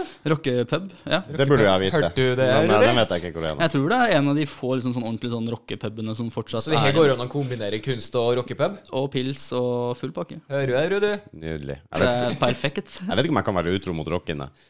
Det er, det vanskelig. Jeg har hengt på rocken siden Lite sidesprang må gå. Ja, Være en dårlig venn nå. Jo, jo, Bare lat som du er bare ja, et eller annet atelier. Vi har jo snakka om Last Train her før òg. Ja, ja. Så- Ingen som hører det her. Nei, det er sant. Men jeg tenker jeg får jo helvetes mye uutdannede bønder fra nord på besøk, eh, bare så det er sagt. Eh, og tro hvor jævlig fett det er bare «Ei, du, eh, Skal vi gå og sjekke ut litt kunst, oh, eller siden dere er i hovedstaden? Gjør Jeg kjenner tilfeldigvis noen Å, oh, det har vært helt fantastisk. Vi bare Ja, den situasjonen at vi faktisk har uh, møttes. Og bare Ja, ja, vi er godt kjent way back. eh. De gjør det. Det hadde vært en glede. Det hadde vært veldig gøy. Skal jeg gjøre dem veldig ukomfortable, bare snu meg og si Så hva dere skal kjøpe, da? Det er litt sånn uh, Sett deg på spissen. ja. Ja, Få dem til å svette der. Så skal du stå der og se forventningsfullt. Store sånne dådyrøyne. Så kan jo vi se liksom Oi, ser du koppen som en Elias kunstneren har i handa her? Ja. Oh yeah, Den skal bli fast inventar der nede nå. Jeg mangler en kaffemaskin der som jeg skal ha, så det kommer meg godt med når jeg skal kjøpe kaffemaskin. ja. Får utse til jul. Ah, God idé. god idé. Jeg gjør det samme, nemlig. Ja, det gjør det. Vi trenger en til studio. Ja. Ja. Det er riktig. Trenger du forresten noe påfyll? Ah, Er du tørst? Eh, gjerne med kaffe. Ja. ja, Skal jeg fikse? Det syns jeg du kan. Jeg glemte å si fra på forhånd, men hvis det er litt stressa, så har vi en stressball der. Eh, nice. Jeg så den. Be right back. BRB. Er det ikke det det heter? Takk. Du kan gjerne ta en skvett i meg hvis du først Tenk det. Min, din, Elias. Korrekt. Yes. Korona er vel litt sånn And talk. Eh, Korona er vel litt sånn eh, Jeg vet ikke, det er jo jeg er i hvert fall fullvaksinert, så det er ikke så vanskelig farlig om man blander kopper. Nei, vet du Som det var for liksom to måneder siden. Nå har jeg avslappa forhold til det. Full Ja, ja, ja. Fully vaxed. Jeg har ikke sånn halsekjede da, som Ja, nei. viser at jeg er Ikke heller. Jeg gjorde en sak ut og ikke legge det ut på Instagram òg. Jeg gjorde heller ikke det. Ja. Sånn «Åh, Fully waxed. Jeg gjorde heller ikke det. Det var helt bevisst. Ja, jeg var Eh, 100 bevisst. Mm, Jeg hadde faktisk sånn lenge før tenkt jeg, ok, da er en selfie med mann, det er sikkert kult. Men så når jeg kom til punktet, så hadde alle jeg kjenner på vennlista gjort Ja, det. Det var ikke noe point. Nei. Nei, så Nei, sesongene. Sesongene. Ja. Nei, Jeg syns det var en eh, veldig kul eh, måte for å presse meg selv litt òg, kanskje. Hvor jeg sånn, ok, nå skal det lanseres en sesong, jeg må ha fem-seks bilder klart. Det må Så det, da må jeg liksom Nei, Istedenfor å bare liksom random slippe ting. Og sånn, Ja, her for er du et bilde, her er et bilde. Liksom, da må du ha ha en en sesong. lansering, typ. Skal ha en sesong i året. Det er derfor dere liker det, vet du, for det her er struktur. Ja, helt riktig. Helt riktig. Helt Jeg er riktig. tilbake for øvrig. Nei, jeg, bare, jeg har jo ikke kaffemaskin, så jeg må jo koke opp vann først. Ja, ja. Nydelig. Nei, men det er litt sånn struktur og liksom orden. Ha liksom fem episoder i én sesong, så fortsetter episoden i neste sesong. Eh, Og så kan, du- og så kan du pinpointe. Hvis du skal finne det bildet, eller noe sånt, så det, det er dritbra. Sjekk ut sesong to, episode fem. Yes. Konge. Ja. Og du finner det. Og så er det noe man kan skape forventning rundt. Det er jo, nå har jeg ødelagt litt for meg selv. For jeg, liksom, jeg begynte med sesong én, tok jeg bare bilder av bildene. Sesong to, så tror jeg nei, Sesong én bare bilde av printsa digitalt. Sesong to printa jeg ut alle bildene, sto og holdt de, tok bilde av det. Sesong tre så gikk jeg ut med alle printsa i Akerselva, sto midt i Akerselva. med- Midt på vinteren med masse is og vann, og liksom ble tatt bilde av, lagde video og sånn. Og sesong fire så hadde jeg med han filmskaperen som lagde den dokumentaren. Så jeg fikk med meg han i etterkant. Shout-out til Shout-out til Christian uh, fra Nice Film, som lagde dokumentaren. Tusen takk for at jeg fikk være med på det. Veldig kult. Uh, han var med og, og ville være med å lage på en måte en sånn sesong fire-lansering. Så da, vi, da var det sånn storproduksjon med alle maleriene og metall og musikk og lys, fargelys. Liksom. Nice. Så nå noen sesong fem Mangler bare fyrverkeri og ja, og noen damer som kommer forbi. så, så nå sesong fem så er det sånn faen, nå har jeg liksom lagt lista jævlig høyt. Hva skal jeg gjøre nå? Kjører du motsatt, eller bam, minimalistisk? Ja, her er bare sånn bilde igjen. Ja, det er bare sånn Back to reality, skulle jeg si. Ja, ja. ja, det er jo ikke en dum idé, altså. Det er jo det. Det er kult. Du kan jo fortsette å spille på det med sesonger. Kan en spesial, ja. Kanskje du har noe director's cut etter hvert?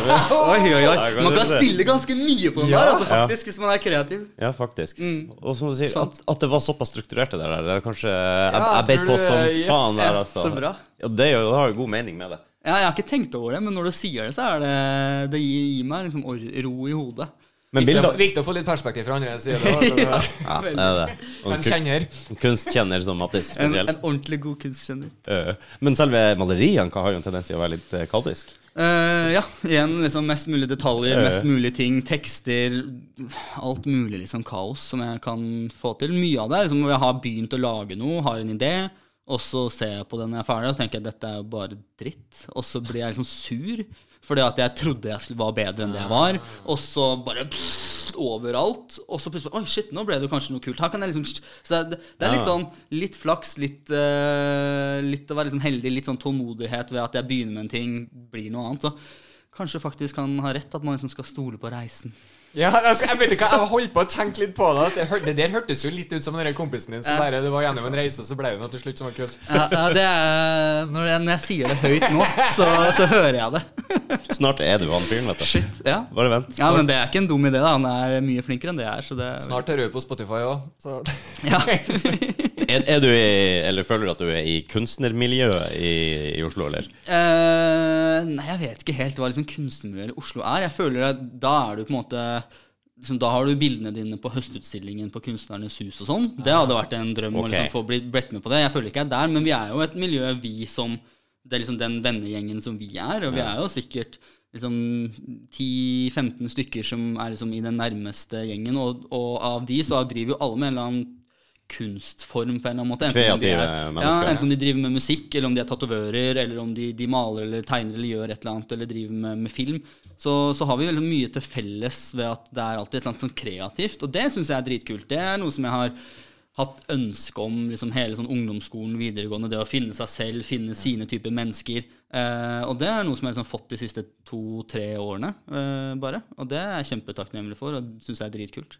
Det er kult, da. Jeg, jeg har endra veldig oppfatning på det der eh, et eller annet sted i livet. Hvor uh, du ble voksen? Ja, fra egentlig jeg begynte å jobbe og sånn. Fra, du kan vel si fra jeg begynte i læra, 17 år. Jeg jobba, jobba hardt og jobba mye og ja, følte jeg har, uh, har gjort det jeg kan, og liksom alltid tenkt at uh, Få deg nå en ordentlig jobb. Eller uh, ja, Det har vært den klassiske, ikke sant. Og ikke satt så mye pris på det. Altså, jeg har jo satt pris på, på musikk og alt det der, eh, men, men jeg har liksom alltid tenkt at eh, mm, Ligger ikke helt med det der der. Altså, få deg nå nå noe, lønn og arbeid, noe, noe trygt, noe, og gjør sånn som alle andre. Men nå, helt motsatt. Jeg elsker folk som tør å være seg sjøl, og være utafor akkurat den, mm. den boksen som, eh, som man absolutt skal sette alle inn i. Og du får så mye mer i livet av det. Ja, for det, du skjønner meg hvor ballsy det er faktisk å gå den veien nå? Ja, og jeg tror ikke Jeg man liksom det. innser det Jeg tror ikke jeg tenker over det så mye selv, for jeg er også en person som er veldig sånn som er redd for å kanskje liksom være Jeg har ikke lyst til å være en sånn der, uh, en sånn der typen person som bare sånn Folk ser på den personen og bare sånn Hva faen er det den personen der Han lever i en annen verden. Ja, han er på et annet, et annet univers. Eh, så jeg tenker ikke så mye sånn om selv, men liksom når man får andres innsikt, man liksom, så har jeg jo lyst til å gjøre jeg bruker bruke mye tid på å tenke over det der. Liksom gjøre ting som jeg har lyst til å gjøre for meg. Jeg bruker ekstremt mye tid på å tenke over hva er det alle andre tror. Ja, ja, Hva kommer folk til å tenke om det? Hva kommer de til å si om det? Og så styrer jeg livet mitt mye etter det. Så jeg føler mye Jeg tror sånn alle har en grad av det. ja, Jeg føler jeg har dobbelt opp. Så når jeg da Doktorgrad. ja, når, når jeg da måte, lever til vanlig, så bru, føler jeg jeg bruker mye tid på å tenke over det. Og tenke ok, hvordan kan jeg gjøre det ikke gjøre det, men så ender jeg opp med å fortsatt tenke sånn, fortsatt være selvkritisk, fortsatt tenke at nei, nei, hvis jeg gjør det her, så kommer de til å si sånn og sånn. Eh, Men, uh, men eh, nei, jeg prøver i hvert fall så godt jeg kan. Og det er jo det som er digg med å liksom finne liksom, litt sånn rette mennesker å henge Ja, med som man har og du kan ting. være deg sjøl på en måte òg. Ja, hvor det er en hel, Jeg merka stor forskjell på det fra liksom å være på den der vennegjengen som du har fra du er liten, hvor som altså dritgode venner, det òg, men hvor man er så mye mer dømmende, man er mye sånn køddete, man, liksom, man kritiserer hverandre, og det er en helt annen sånn, sånn guttastemning enn når man er med de som jeg har blitt kjent med nå de siste årene, som er sånn alle liksom man, man, jeg vet ikke, Det er en sånn backing og en sånn type trygghet til at man kan være som man har lyst til å være og drive med det man er, og folk syns det er dritkult. Og, og setter pris på det og liksom heier det fram istedenfor å sånn, Ja, ja, ja. så teit Er ikke det litt spesielt, da? Ja, ja, typ, liksom, ah, skal du hvorfor liksom, ja, ja, ja, men, ja, typ. Men det kan vel relatere også hvis det er kunstneriske sjeler som eh, kanskje har vært igjennom eller Ja. holder på med akkurat det samme og, Ja, og gjør, tar de absolutt. skrittene. Så blir det litt lettere. Det er jo kanskje det vi beskriver som dårlige venner, det du sa først. Altså, det er kanskje de beste vennene du har, men uh, Ja, og de, og de jeg, tror det, jeg har tenkt litt på det der at de Grunnen til at man kanskje tenker sånn, er at for de har kjent meg siden jeg var Yes. liksom, en drittunge. Så de vet jo hele min liksom, reise. Alt jeg har gjort. Alt jeg har liksom Alt jeg har driti meg ut med. Alt hvordan jeg var når jeg var på ungdomsskolen. Typ, da, Er jo ikke en person som jeg er i dag. Men når jeg er med de, så, så er det jo litt sånn som folk liksom De husker meg kanskje litt sånn. Ja, er Eller jeg husker meg selv sånn. Mens når jeg er her, så kan jeg på en måte være den som jeg føler at jeg er i dag. Uh, det er et godt poeng. Ja. Uh, Det er et veldig godt poeng. Ja, nei, men, eh, men man må jo reflektere litt. Det, det, det, det er sant som du sier, hvis du, hvis du møter folk fra barndommen som du Mm. kanskje henger med. Du, du, du blir kanskje litt stuck i, i akkurat det, og ja. så er det vanskeligere for deg sjøl å, å være der Eller være det nye deg, deg Ja, da, for å si det sånn. For du er jo aldri samme person mer enn noen få år av gangen.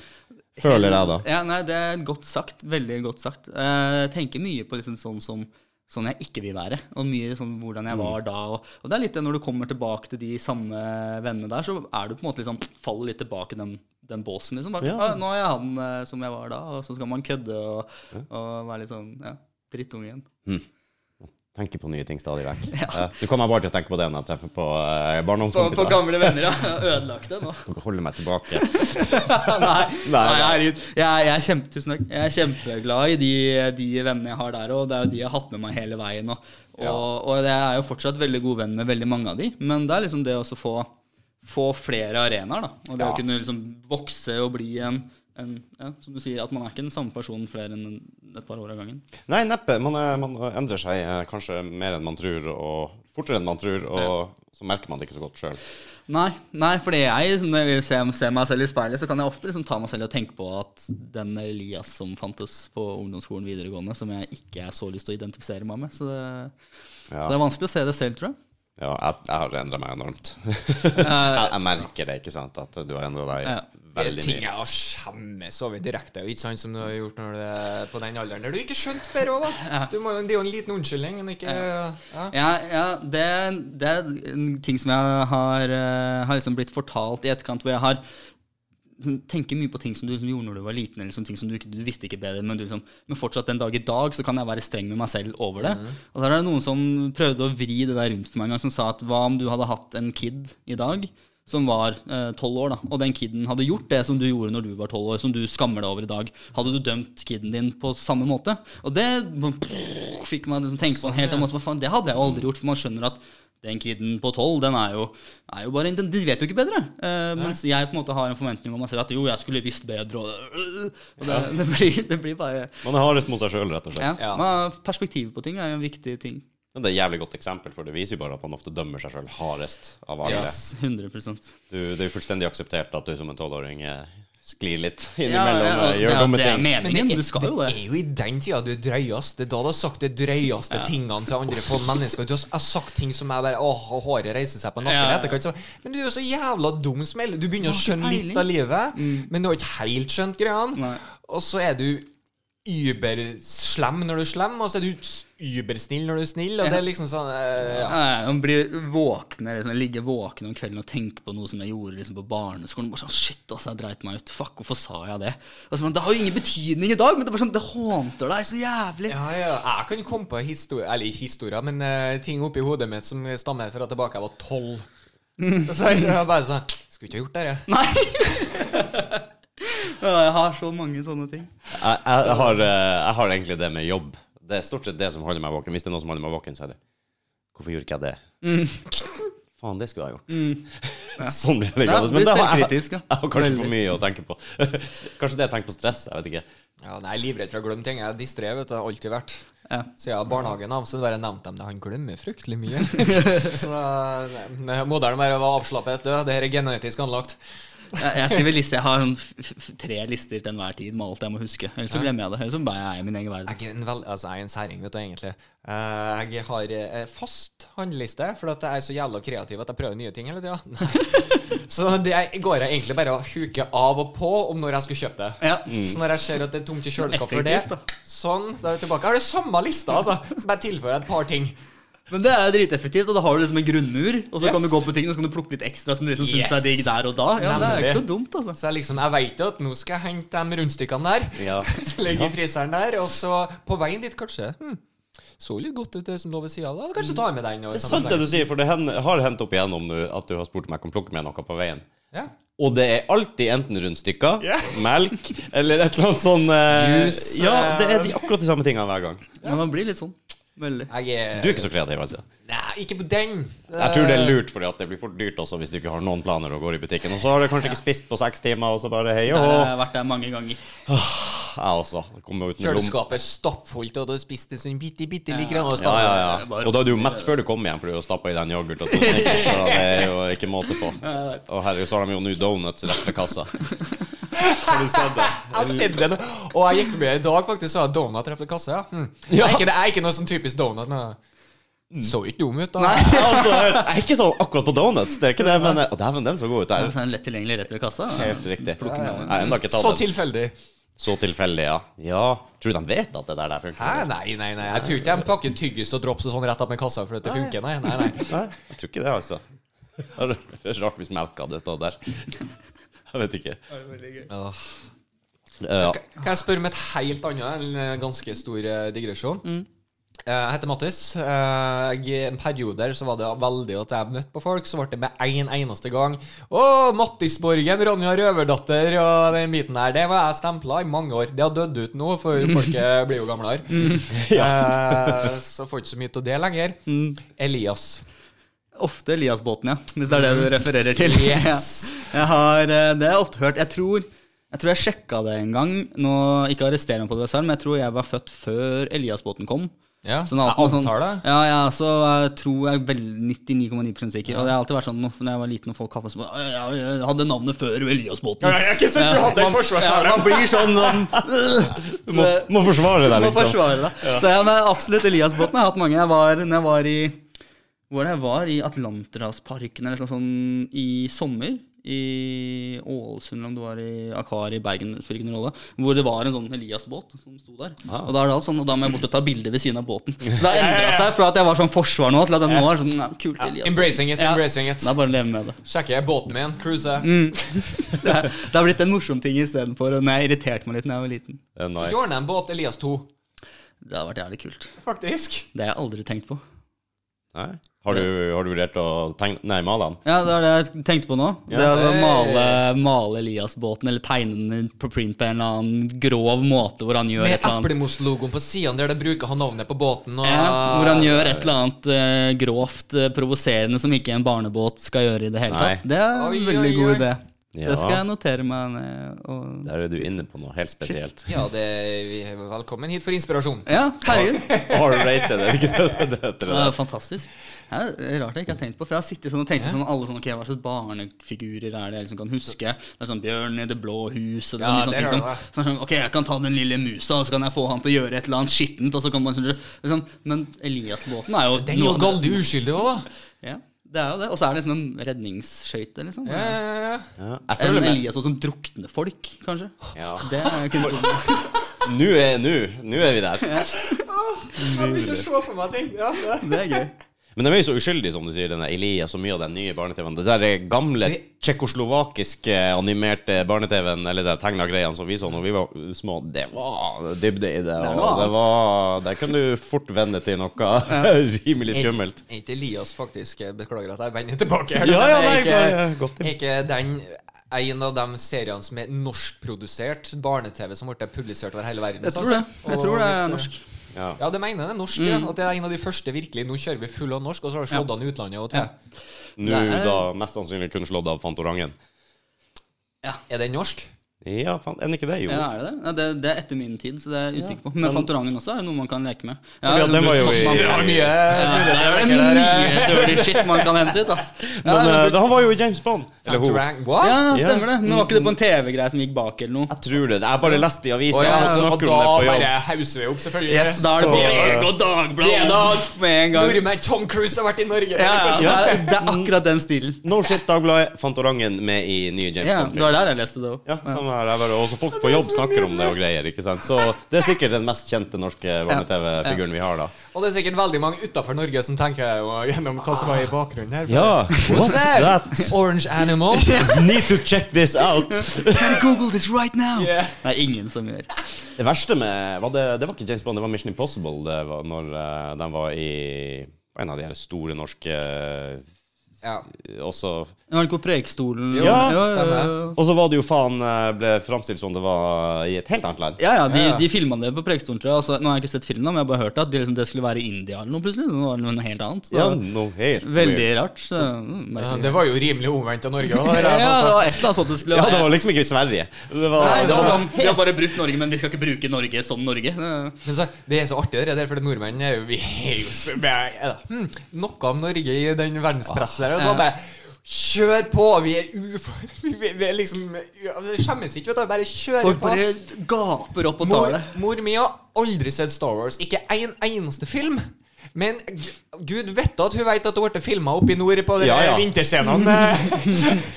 det har hun så klart, og jeg har blitt fortalt mange ganger. Du veit det, vet du. Jeg er fullstendig klar Jeg tipper alle nordmenn over en viss alder i dag vet det, og går rundt med det der i bakgrunnen. Har du sett Star Wars? Nei, egentlig ikke. Nei. Like, Nei, filma i Norge. Filma i Norge, da. Filma i Norge. Ja. Jeg. Jeg var nede på et rabbit hole hvor jeg så nor nei, utenlandske snakke om nordmenn eller nor elsker Norge eller noe. Så ble jeg bare sittende.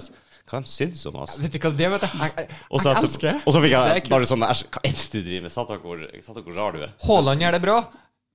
Jeg går inn og ser på utenlandsk presse. Ikke sant? Hva, hva er det de sier om Haaland? Én ting er nordmenn, vi skryter av ham uansett. Yeah. Men hva sier faktisk verdensgreiene? Så er det så kult å se på en verdensstjerne bare Yeah, it's one of the best in the world. Bare, oh, shit. Han er norsk! Og det er så teit, dette. du. Men likevel. Det er dritteit, og vi elsker det. Vi det. suger det til oss. Og i sporten er vi jo skikkelig bortskjemt om dagen òg, da. Det er jo nesten rent bord. Det er jo rart, nesten, hvor Det er en verdensmester i hekkeløp fra fuckings Sunnmøre. Altså, hva Det er kanskje en av de liksom, arenaene hvor flest hører om Norge, da. mm. Tenke. Friidretten spesielt da, er vel eh, rimelig høyt der oppe. Ja, det er så snedete, for nå er vi verdensstjerner i sånne verdensidretter som vi ikke har vært så mye tidligere, i hvert fall samtidig. Golf. Eh, Ja. sant? Tennis. Han, eh, ja, tennis. Ikke sant? Dette er, er verdensidretter som er ikke nødvendig. Det er ikke langrenn, liksom. Det er Norge Fun fact. Det Norge har 20% av alle registrerte skiutøvere er fra Norge i verden. Er det rart at du, er rart at du vinner en gullmedalje eller to, eller? Og når du i tillegg da kanskje topp fem beste fotballspillere i verden er norsk også. Det har heller ikke skjedd skjedd før, tror jeg. Rune Bratse, kanskje. Er det for... Det var close. Det var close. Han er nominert til Ballon d'Or. Har Rune Bratse vært det? Fuck yeah. Han var, han var bra på sin eh, Hvor han spilte i Frankfurt? Nei. Nei, nei, nei. Et annet tysk lag som jeg ikke kommer på nå. Elias er ekspert på Bundesliga. Ja, det var det. Jeg har null peiling på fotball.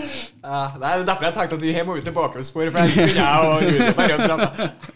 Eh, det er faktisk en av de tingene som jeg ikke interesserer meg for noe i det hele tatt. Som er en sånn Er det noe sport som du interesserer deg overhodet, da? Eller er du sånn som meg, som ser folk sier curling én gang hvert fjerde år? Når det er Ja, nei, det er liksom, jeg syns fotball er kult når det er VM og sånn. Eh, Da kan jeg synes det er fett. Og det er da- struktur på. Yes, det er sånn, Da forstår jeg lagene, og det er, sånn, det er land sånn. Når det er sånn ja, da, Det er for lite struktur. Jeg forstår det ikke. Ser du Champions League-finalen? Eh, nei. Nei. Nei. VM går bra, men VM er liksom. VM, EM, det er liksom de to Ja. tingene jeg kan gå med på. Da, er sånn, da kan jeg bli med på kontraskjæret og Du er litt som mor mi. Ja. Egentlig liksom Så litt- så jækla mye, men nå er det EM og VM, så kanskje vi skal få med oss litt. Ja, ja, litt sånn vibe jeg. Ganske typisk den. Men du er litt sånn patriotisk da når det, hvis Norge spiller og Ja, et VM VM. da er det kult. Da er det Ja. kult. Men jeg kan ikke huske sist eh, Norge gjorde det bra i noe sånn VM eller noe. Det er ikke så rart. For Men det er ikke så rart, for vi har jo ikke vært med siden 2000. Blokk. Nei, nei. var det ja, 22 år siden cirka. Shit, det er dritlenge, ass. Det- Jeg tenker er at 2000 er sånn baki der, liksom. Men det er jo Det er jo Det er jo 21 år siden. Ja, det er I dritlenge I 98-99 var vi verdens andre beste fotballag. Ja, det er Over ganske lang tid. Sjukt. Hva, eller var jeg lærer? Hæ? Ja, var jeg lærer? Ja. Utrolig.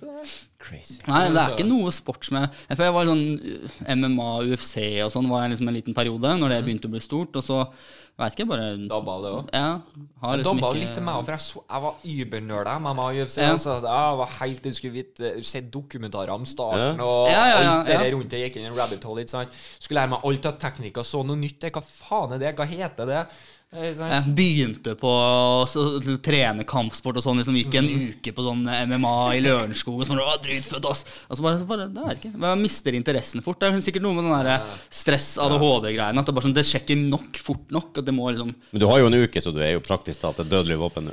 Er du gæren? Selvfølgelig. Ja, ja. Jeg kan skryte på meg det lenge. Bare pass på. Jeg har gått på MMA da jeg var sånn MMA. 15 i en uke. Og var utlært og bare gikk derifra. Det som er litt spesielt, er at uh, når jeg begynte å interessere meg for MMA, så begynte din interesse å dabbe litt av. Det er sånn der, uh, Sånn følte jeg med alle mine venner òg. Jeg, liksom, jeg kunne ligge hjemme med liksom Mac-en på senga og se på MMA-kampen midt på natta. Det var ingen andre på ungdomsskolen som brydde seg om det. Hei. Nå er det sånn alle de jeg kjenner fra ungdomsskolen, dritnerds hjemme. Jeg har ikke peiling lenger. Jeg bare detter av. Så når det er sånn bare skifta litt Men dere hadde med en kompis, for han var sånn veldig tidlig på Han var jo litt gamlere enn meg òg, da. Så han var veldig tidlig på MMA. Veldig i starten her. Ikke sant? Og kunne nevne opp folk som gjorde sånn og sånn og sånn. Så ble jeg interessert, og når jeg ble interessert i en ting, så ble jeg veldig interessert. Ja. Så da går jeg jo all in, så å si. Så bare bam! Og der plutselig så begynner han å fortelle meg ting der jeg bare Nei, nei, det, det, det er ikke helt rett.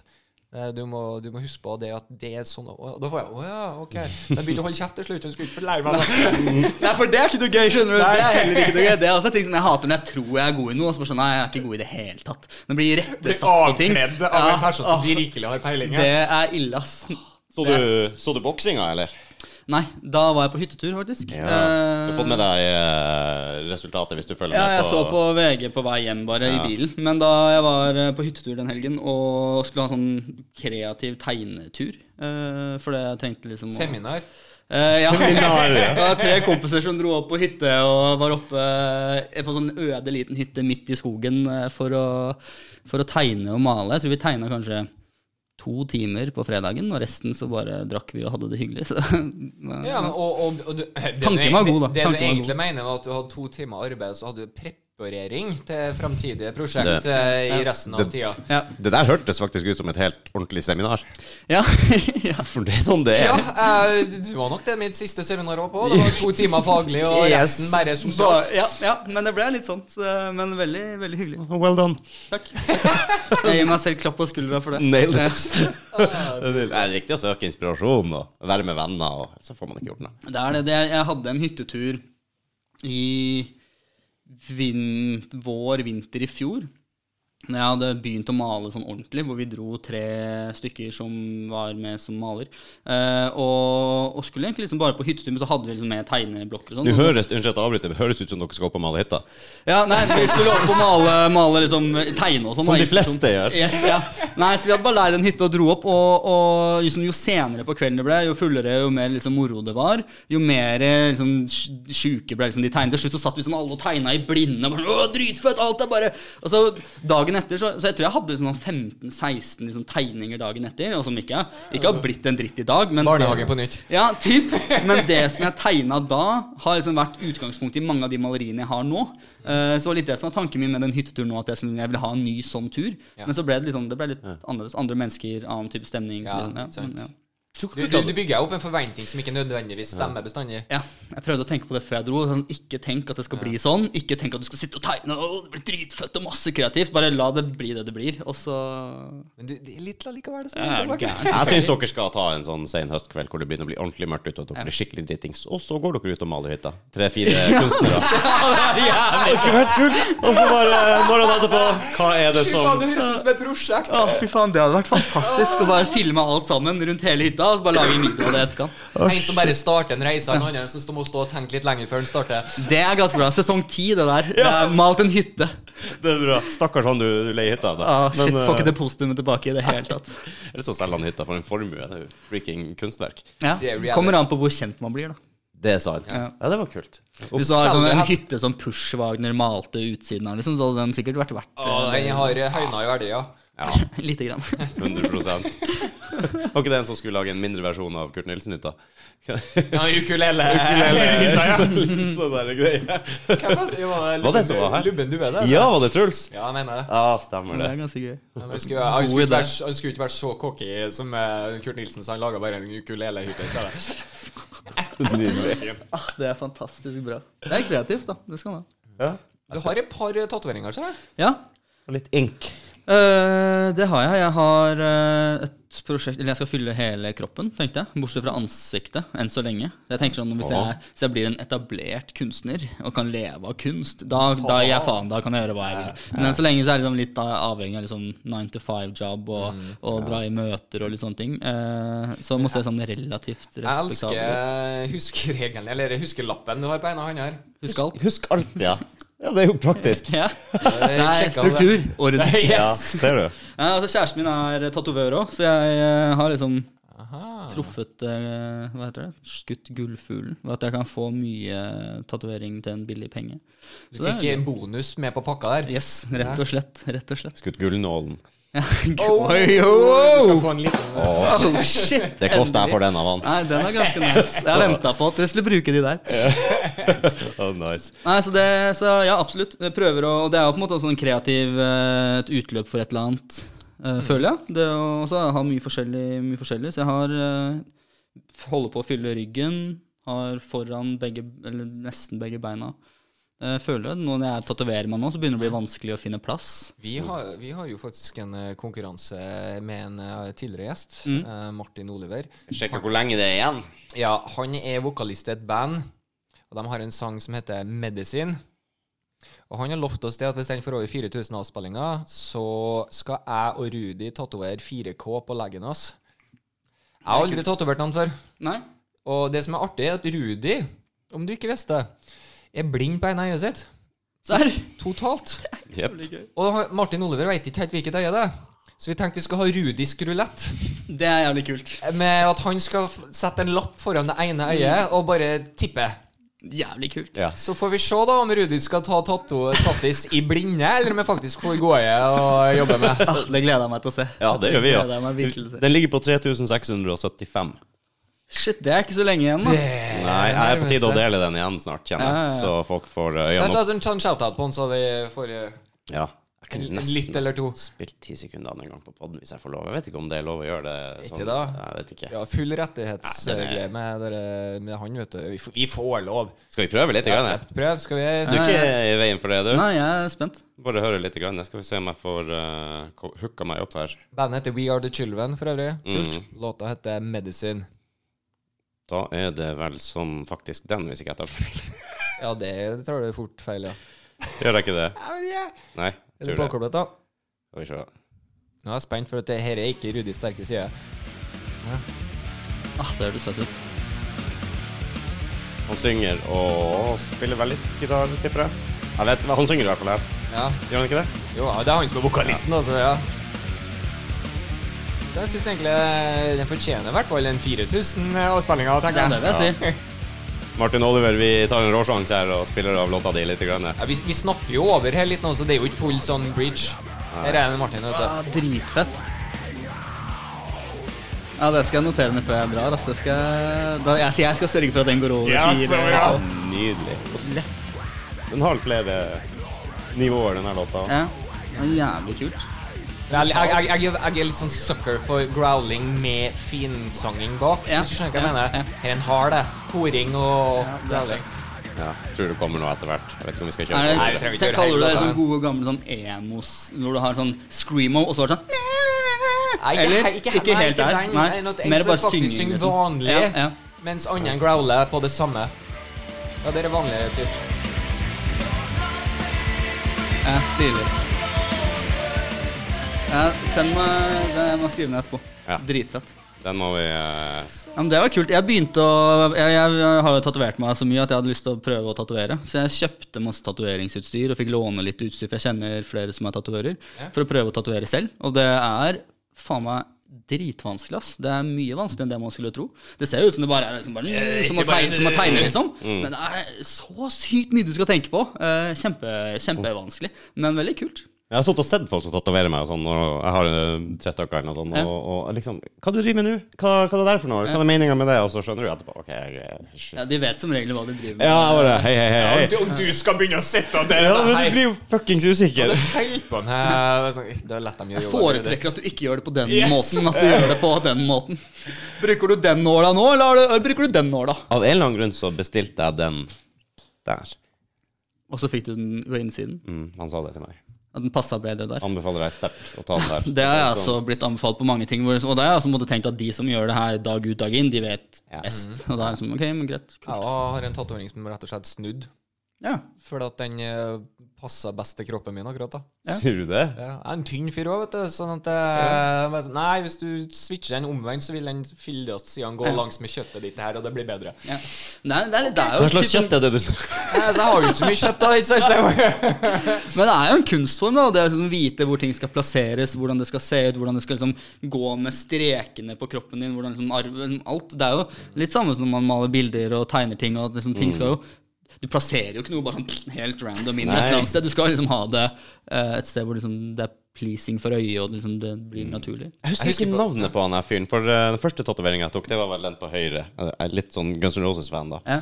Så den ser du fa faller meg litt. Den var Trines tattoo i Hammerfest i tidlig 2000-tallet en eller annen gang. Uh, og så var det Guns N' Roses-tatovering nummer to. Yes, selvfølgelig. det, den, den tok jeg i Amsterdam. En tatovør som heter Malte Wegner, eller noe sånt. Veldig, veldig flink. Og så illustrerer jeg forskjellen mellom meg og Rudi. Så jeg har tatovert en strekkode. Ja. ikke sant? Som jeg husker når de tok den, for dette begynner å bli ganske mange år siden. Ja. Så sa de at det her kommer til å blurre ut en eller annen gang. Ja, ja. Ja, Men kan, du, bare så du er klar over det. Ja. Så jeg bare fuck it, det går. kan du pipe den ut? Nei, for det, det er mine siffer, vet du. Sånn at vanlig strekkodesiffer Jeg har 13, så Ja. de kutter vekk to siffer. Det er egentlig pondusblad jeg kjøpte på vei til tattoo-shoppa. Ja. Det en kul historie. Faktisk. Det er ganske kult. Den her tok en russisk gjestetatovør på Lucky Seven i Oslo, husker jeg, men jeg husker ikke navnet hans. Yes, privet. Hello. Ja. Det vi går for uh, Vladimir. Vladimir. Eller Vlad, for Ja, short. russisk navn. He showed me location. Så Igor. Alle klassiske USA mot Russland-filmer. Ja. Dimitri. Dimitri, ja. Det er Rocky med en gang. ja. ja. Men det er kule. sånn går nå dagene, som vi sier. Jeg må faktisk eh, slå lensa. Jeg vet ikke, er vet det? Eh, Apropos sånn går nå dagene. Nå har det gått ei og en halv time. Så å si. Så jeg tror jeg skal være den kjipen igjen da og si at vi er nødt til å begynne å avrunde. Av runde? Ja, jeg er så fin i språket. Blir det en atelier Atelier. Jeg føler meg smitt ut. Ja, jeg føler meg nesten litt Jeg skal sånn ikke ha det på meg i det hele tatt, fy faen. ja, men Jeg føler meg Ja, men det er så sjelden jeg hører Atelie. Ja. Altså, Atelie skal jeg ta seg nå, men Vi hadde jo en i en annen episode hvor vi snakka om du, duvet Nei, hva det var du duvet, Duvet og uh, dyne på engelsk. Ja, jeg hadde noe sånn fransk eh, rabbit hole. Ja. Det er noe ingen tenker over. Hva faen er dyne på engelsk? Uh, Det har jeg tenkt over mange ganger. Hva faen er dyne på engelsk? Så det er aldri noe man husker. Jeg har ikke peiling på det her. Jeg òg lurte på det som Og da, nei, for blanket Det er det, bare det, er over. Ja, det er teppet, ikke sant? Du, det, det stammer jo fra fransk, det hører jo. Ja, ja. Men hvilken helt uttale er jeg litt usikker på. Duvier, duvet uh, ja. Hvem vet ikke du? Hvem vet ikke, Jeg ja. vet ikke, ja. Vi vet ingenting nå. Vi vet ingenting da. Det Det var Lisa Ekdal, eller? Yes, det var Lise Ekdahl. Å, Hei, hvor gammel du er. Ja, da er Eh, veldig gammel. Veldig gammel. Hvor, hvor, eh, hvor finner vi deg og maleriene dine, og hvor kan vi kjøpe det? Og... Eplehuset.no. Ja, fy faen. Eh, Eplemos.no har jeg eh, i hvert fall det som er sluppet av sesonger. Eh, meste er på Instagram, egentlig. Eplemost med to e-er på starten. Eh, letteste for å kjøpe noe eller spørre om noe er bare å sende meg en melding. Jeg svarer som regel der. Sitter som regel på Instagram hvis ikke jeg er på jobb eller maler. Eh, ja. That's it. Jeg har en nettbutikk på nettsiden min hvor jeg selger nettbutikk, printsa, da. men maleriene går ikke via nettbutikken. Check it out. Ok, så du, du selger printsene på nettbutikken, men ikke maleriene? Ja. Okay. Det letteste er å bare sende meg en melding og si hva du vil ha, så skal jeg fikse det. Er det noen av printsene du er helt rabba for, eller? Eh, nei, men jeg har den dickpic, banan-dickpic-bildet. Det er er kanskje det er favoritten din. Det er favoritten ja, den, har det gått, den har det gått mest av. Den er det nesten ikke flere igjen av. De andre har vært sånn av og på. Bananer i pysjamas har vært ganske populært. Eh, um, ja. Det Rudi kjørt der. Se den her, det er min favoritt. Det er, det er den jeg har kanskje har brukt mest tid på alle, og alle detaljene der. med det som er grafi, All graffitien på doveggen og sånn har jeg liksom få, laget selv og fått venner til liksom Når jeg har vært rundt på ting, så har jeg liksom hatt med iPaden. Sånn, kan, du, kan du lage noe graffiti på doveggen? Så det er masse forskjellige folk som har laget liksom noe sånn som Akkurat som du ville tagga på en dovegg selv. da ja, den Eh, er så jævla rå. Takk. takk Det, apropos, apropos graffiti på doveggen. Jeg måtte flire. Jeg, må, altså, jeg jobber på et sted der jeg har blikkenslagerverksted.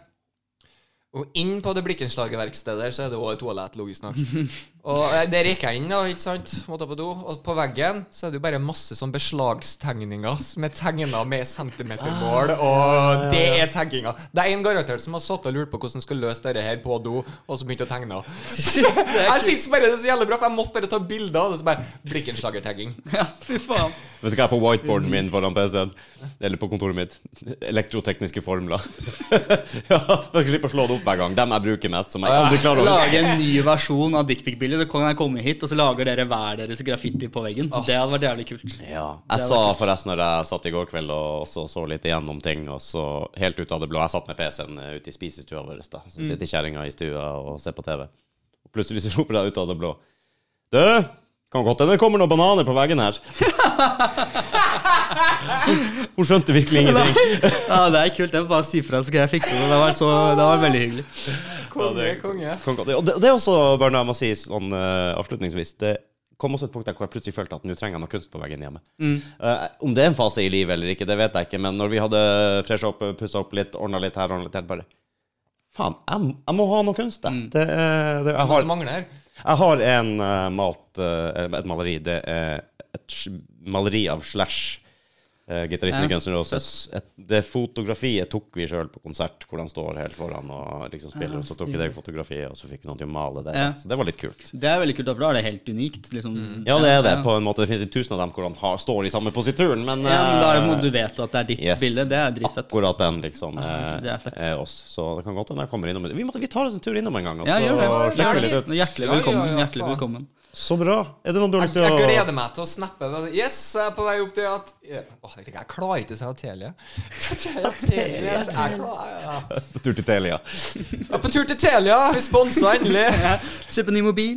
Uff. Er det noe du har lyst til å droppe inn her før, eh, før vi avslutter? Eh, nei, jeg tror ikke det. Alle som, eh, som lurer på noe, send meg gjerne en melding på Instagram. Folk er hjertelig velkommen til å komme inn i atelieret og titte på malerier og bare liksom Send meg en melding. Det er dritkult. Jo mer folk jeg kan vise det til, få feedback, gjerne konstruktiv feedback òg, setter jeg pris på.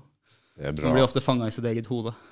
Ja, man gjør det. Man er helt avhengig av å kanskje vite hva, hva folk syns og mener. Eller du er vel kanskje ikke avhengig, Nei, men både og. Jeg vil gjerne gjøre ting som folk syns er kult, men samtidig så vil jeg ikke gjøre ting fordi folk syns det er kult. Nei, jeg vil gjøre det for Nei, meg, men så er det jo kult at folk syns det er kult. Ja, liksom. sant, det er det. Obviously, men For å si det sånn, det er hyggelig å få positive tilbakemeldinger, men Det er også ærlige tilbakemeldinger. Yes, 100%, Ja, ja, 100%. men det er bra. Vi skal i hvert fall ta en tur ned, og så kommer jeg til å linke litt til nettsider og, og ta litt tusen takk. lite Skal- utvalg bilder som du har sendt meg, som jeg kan legge ut.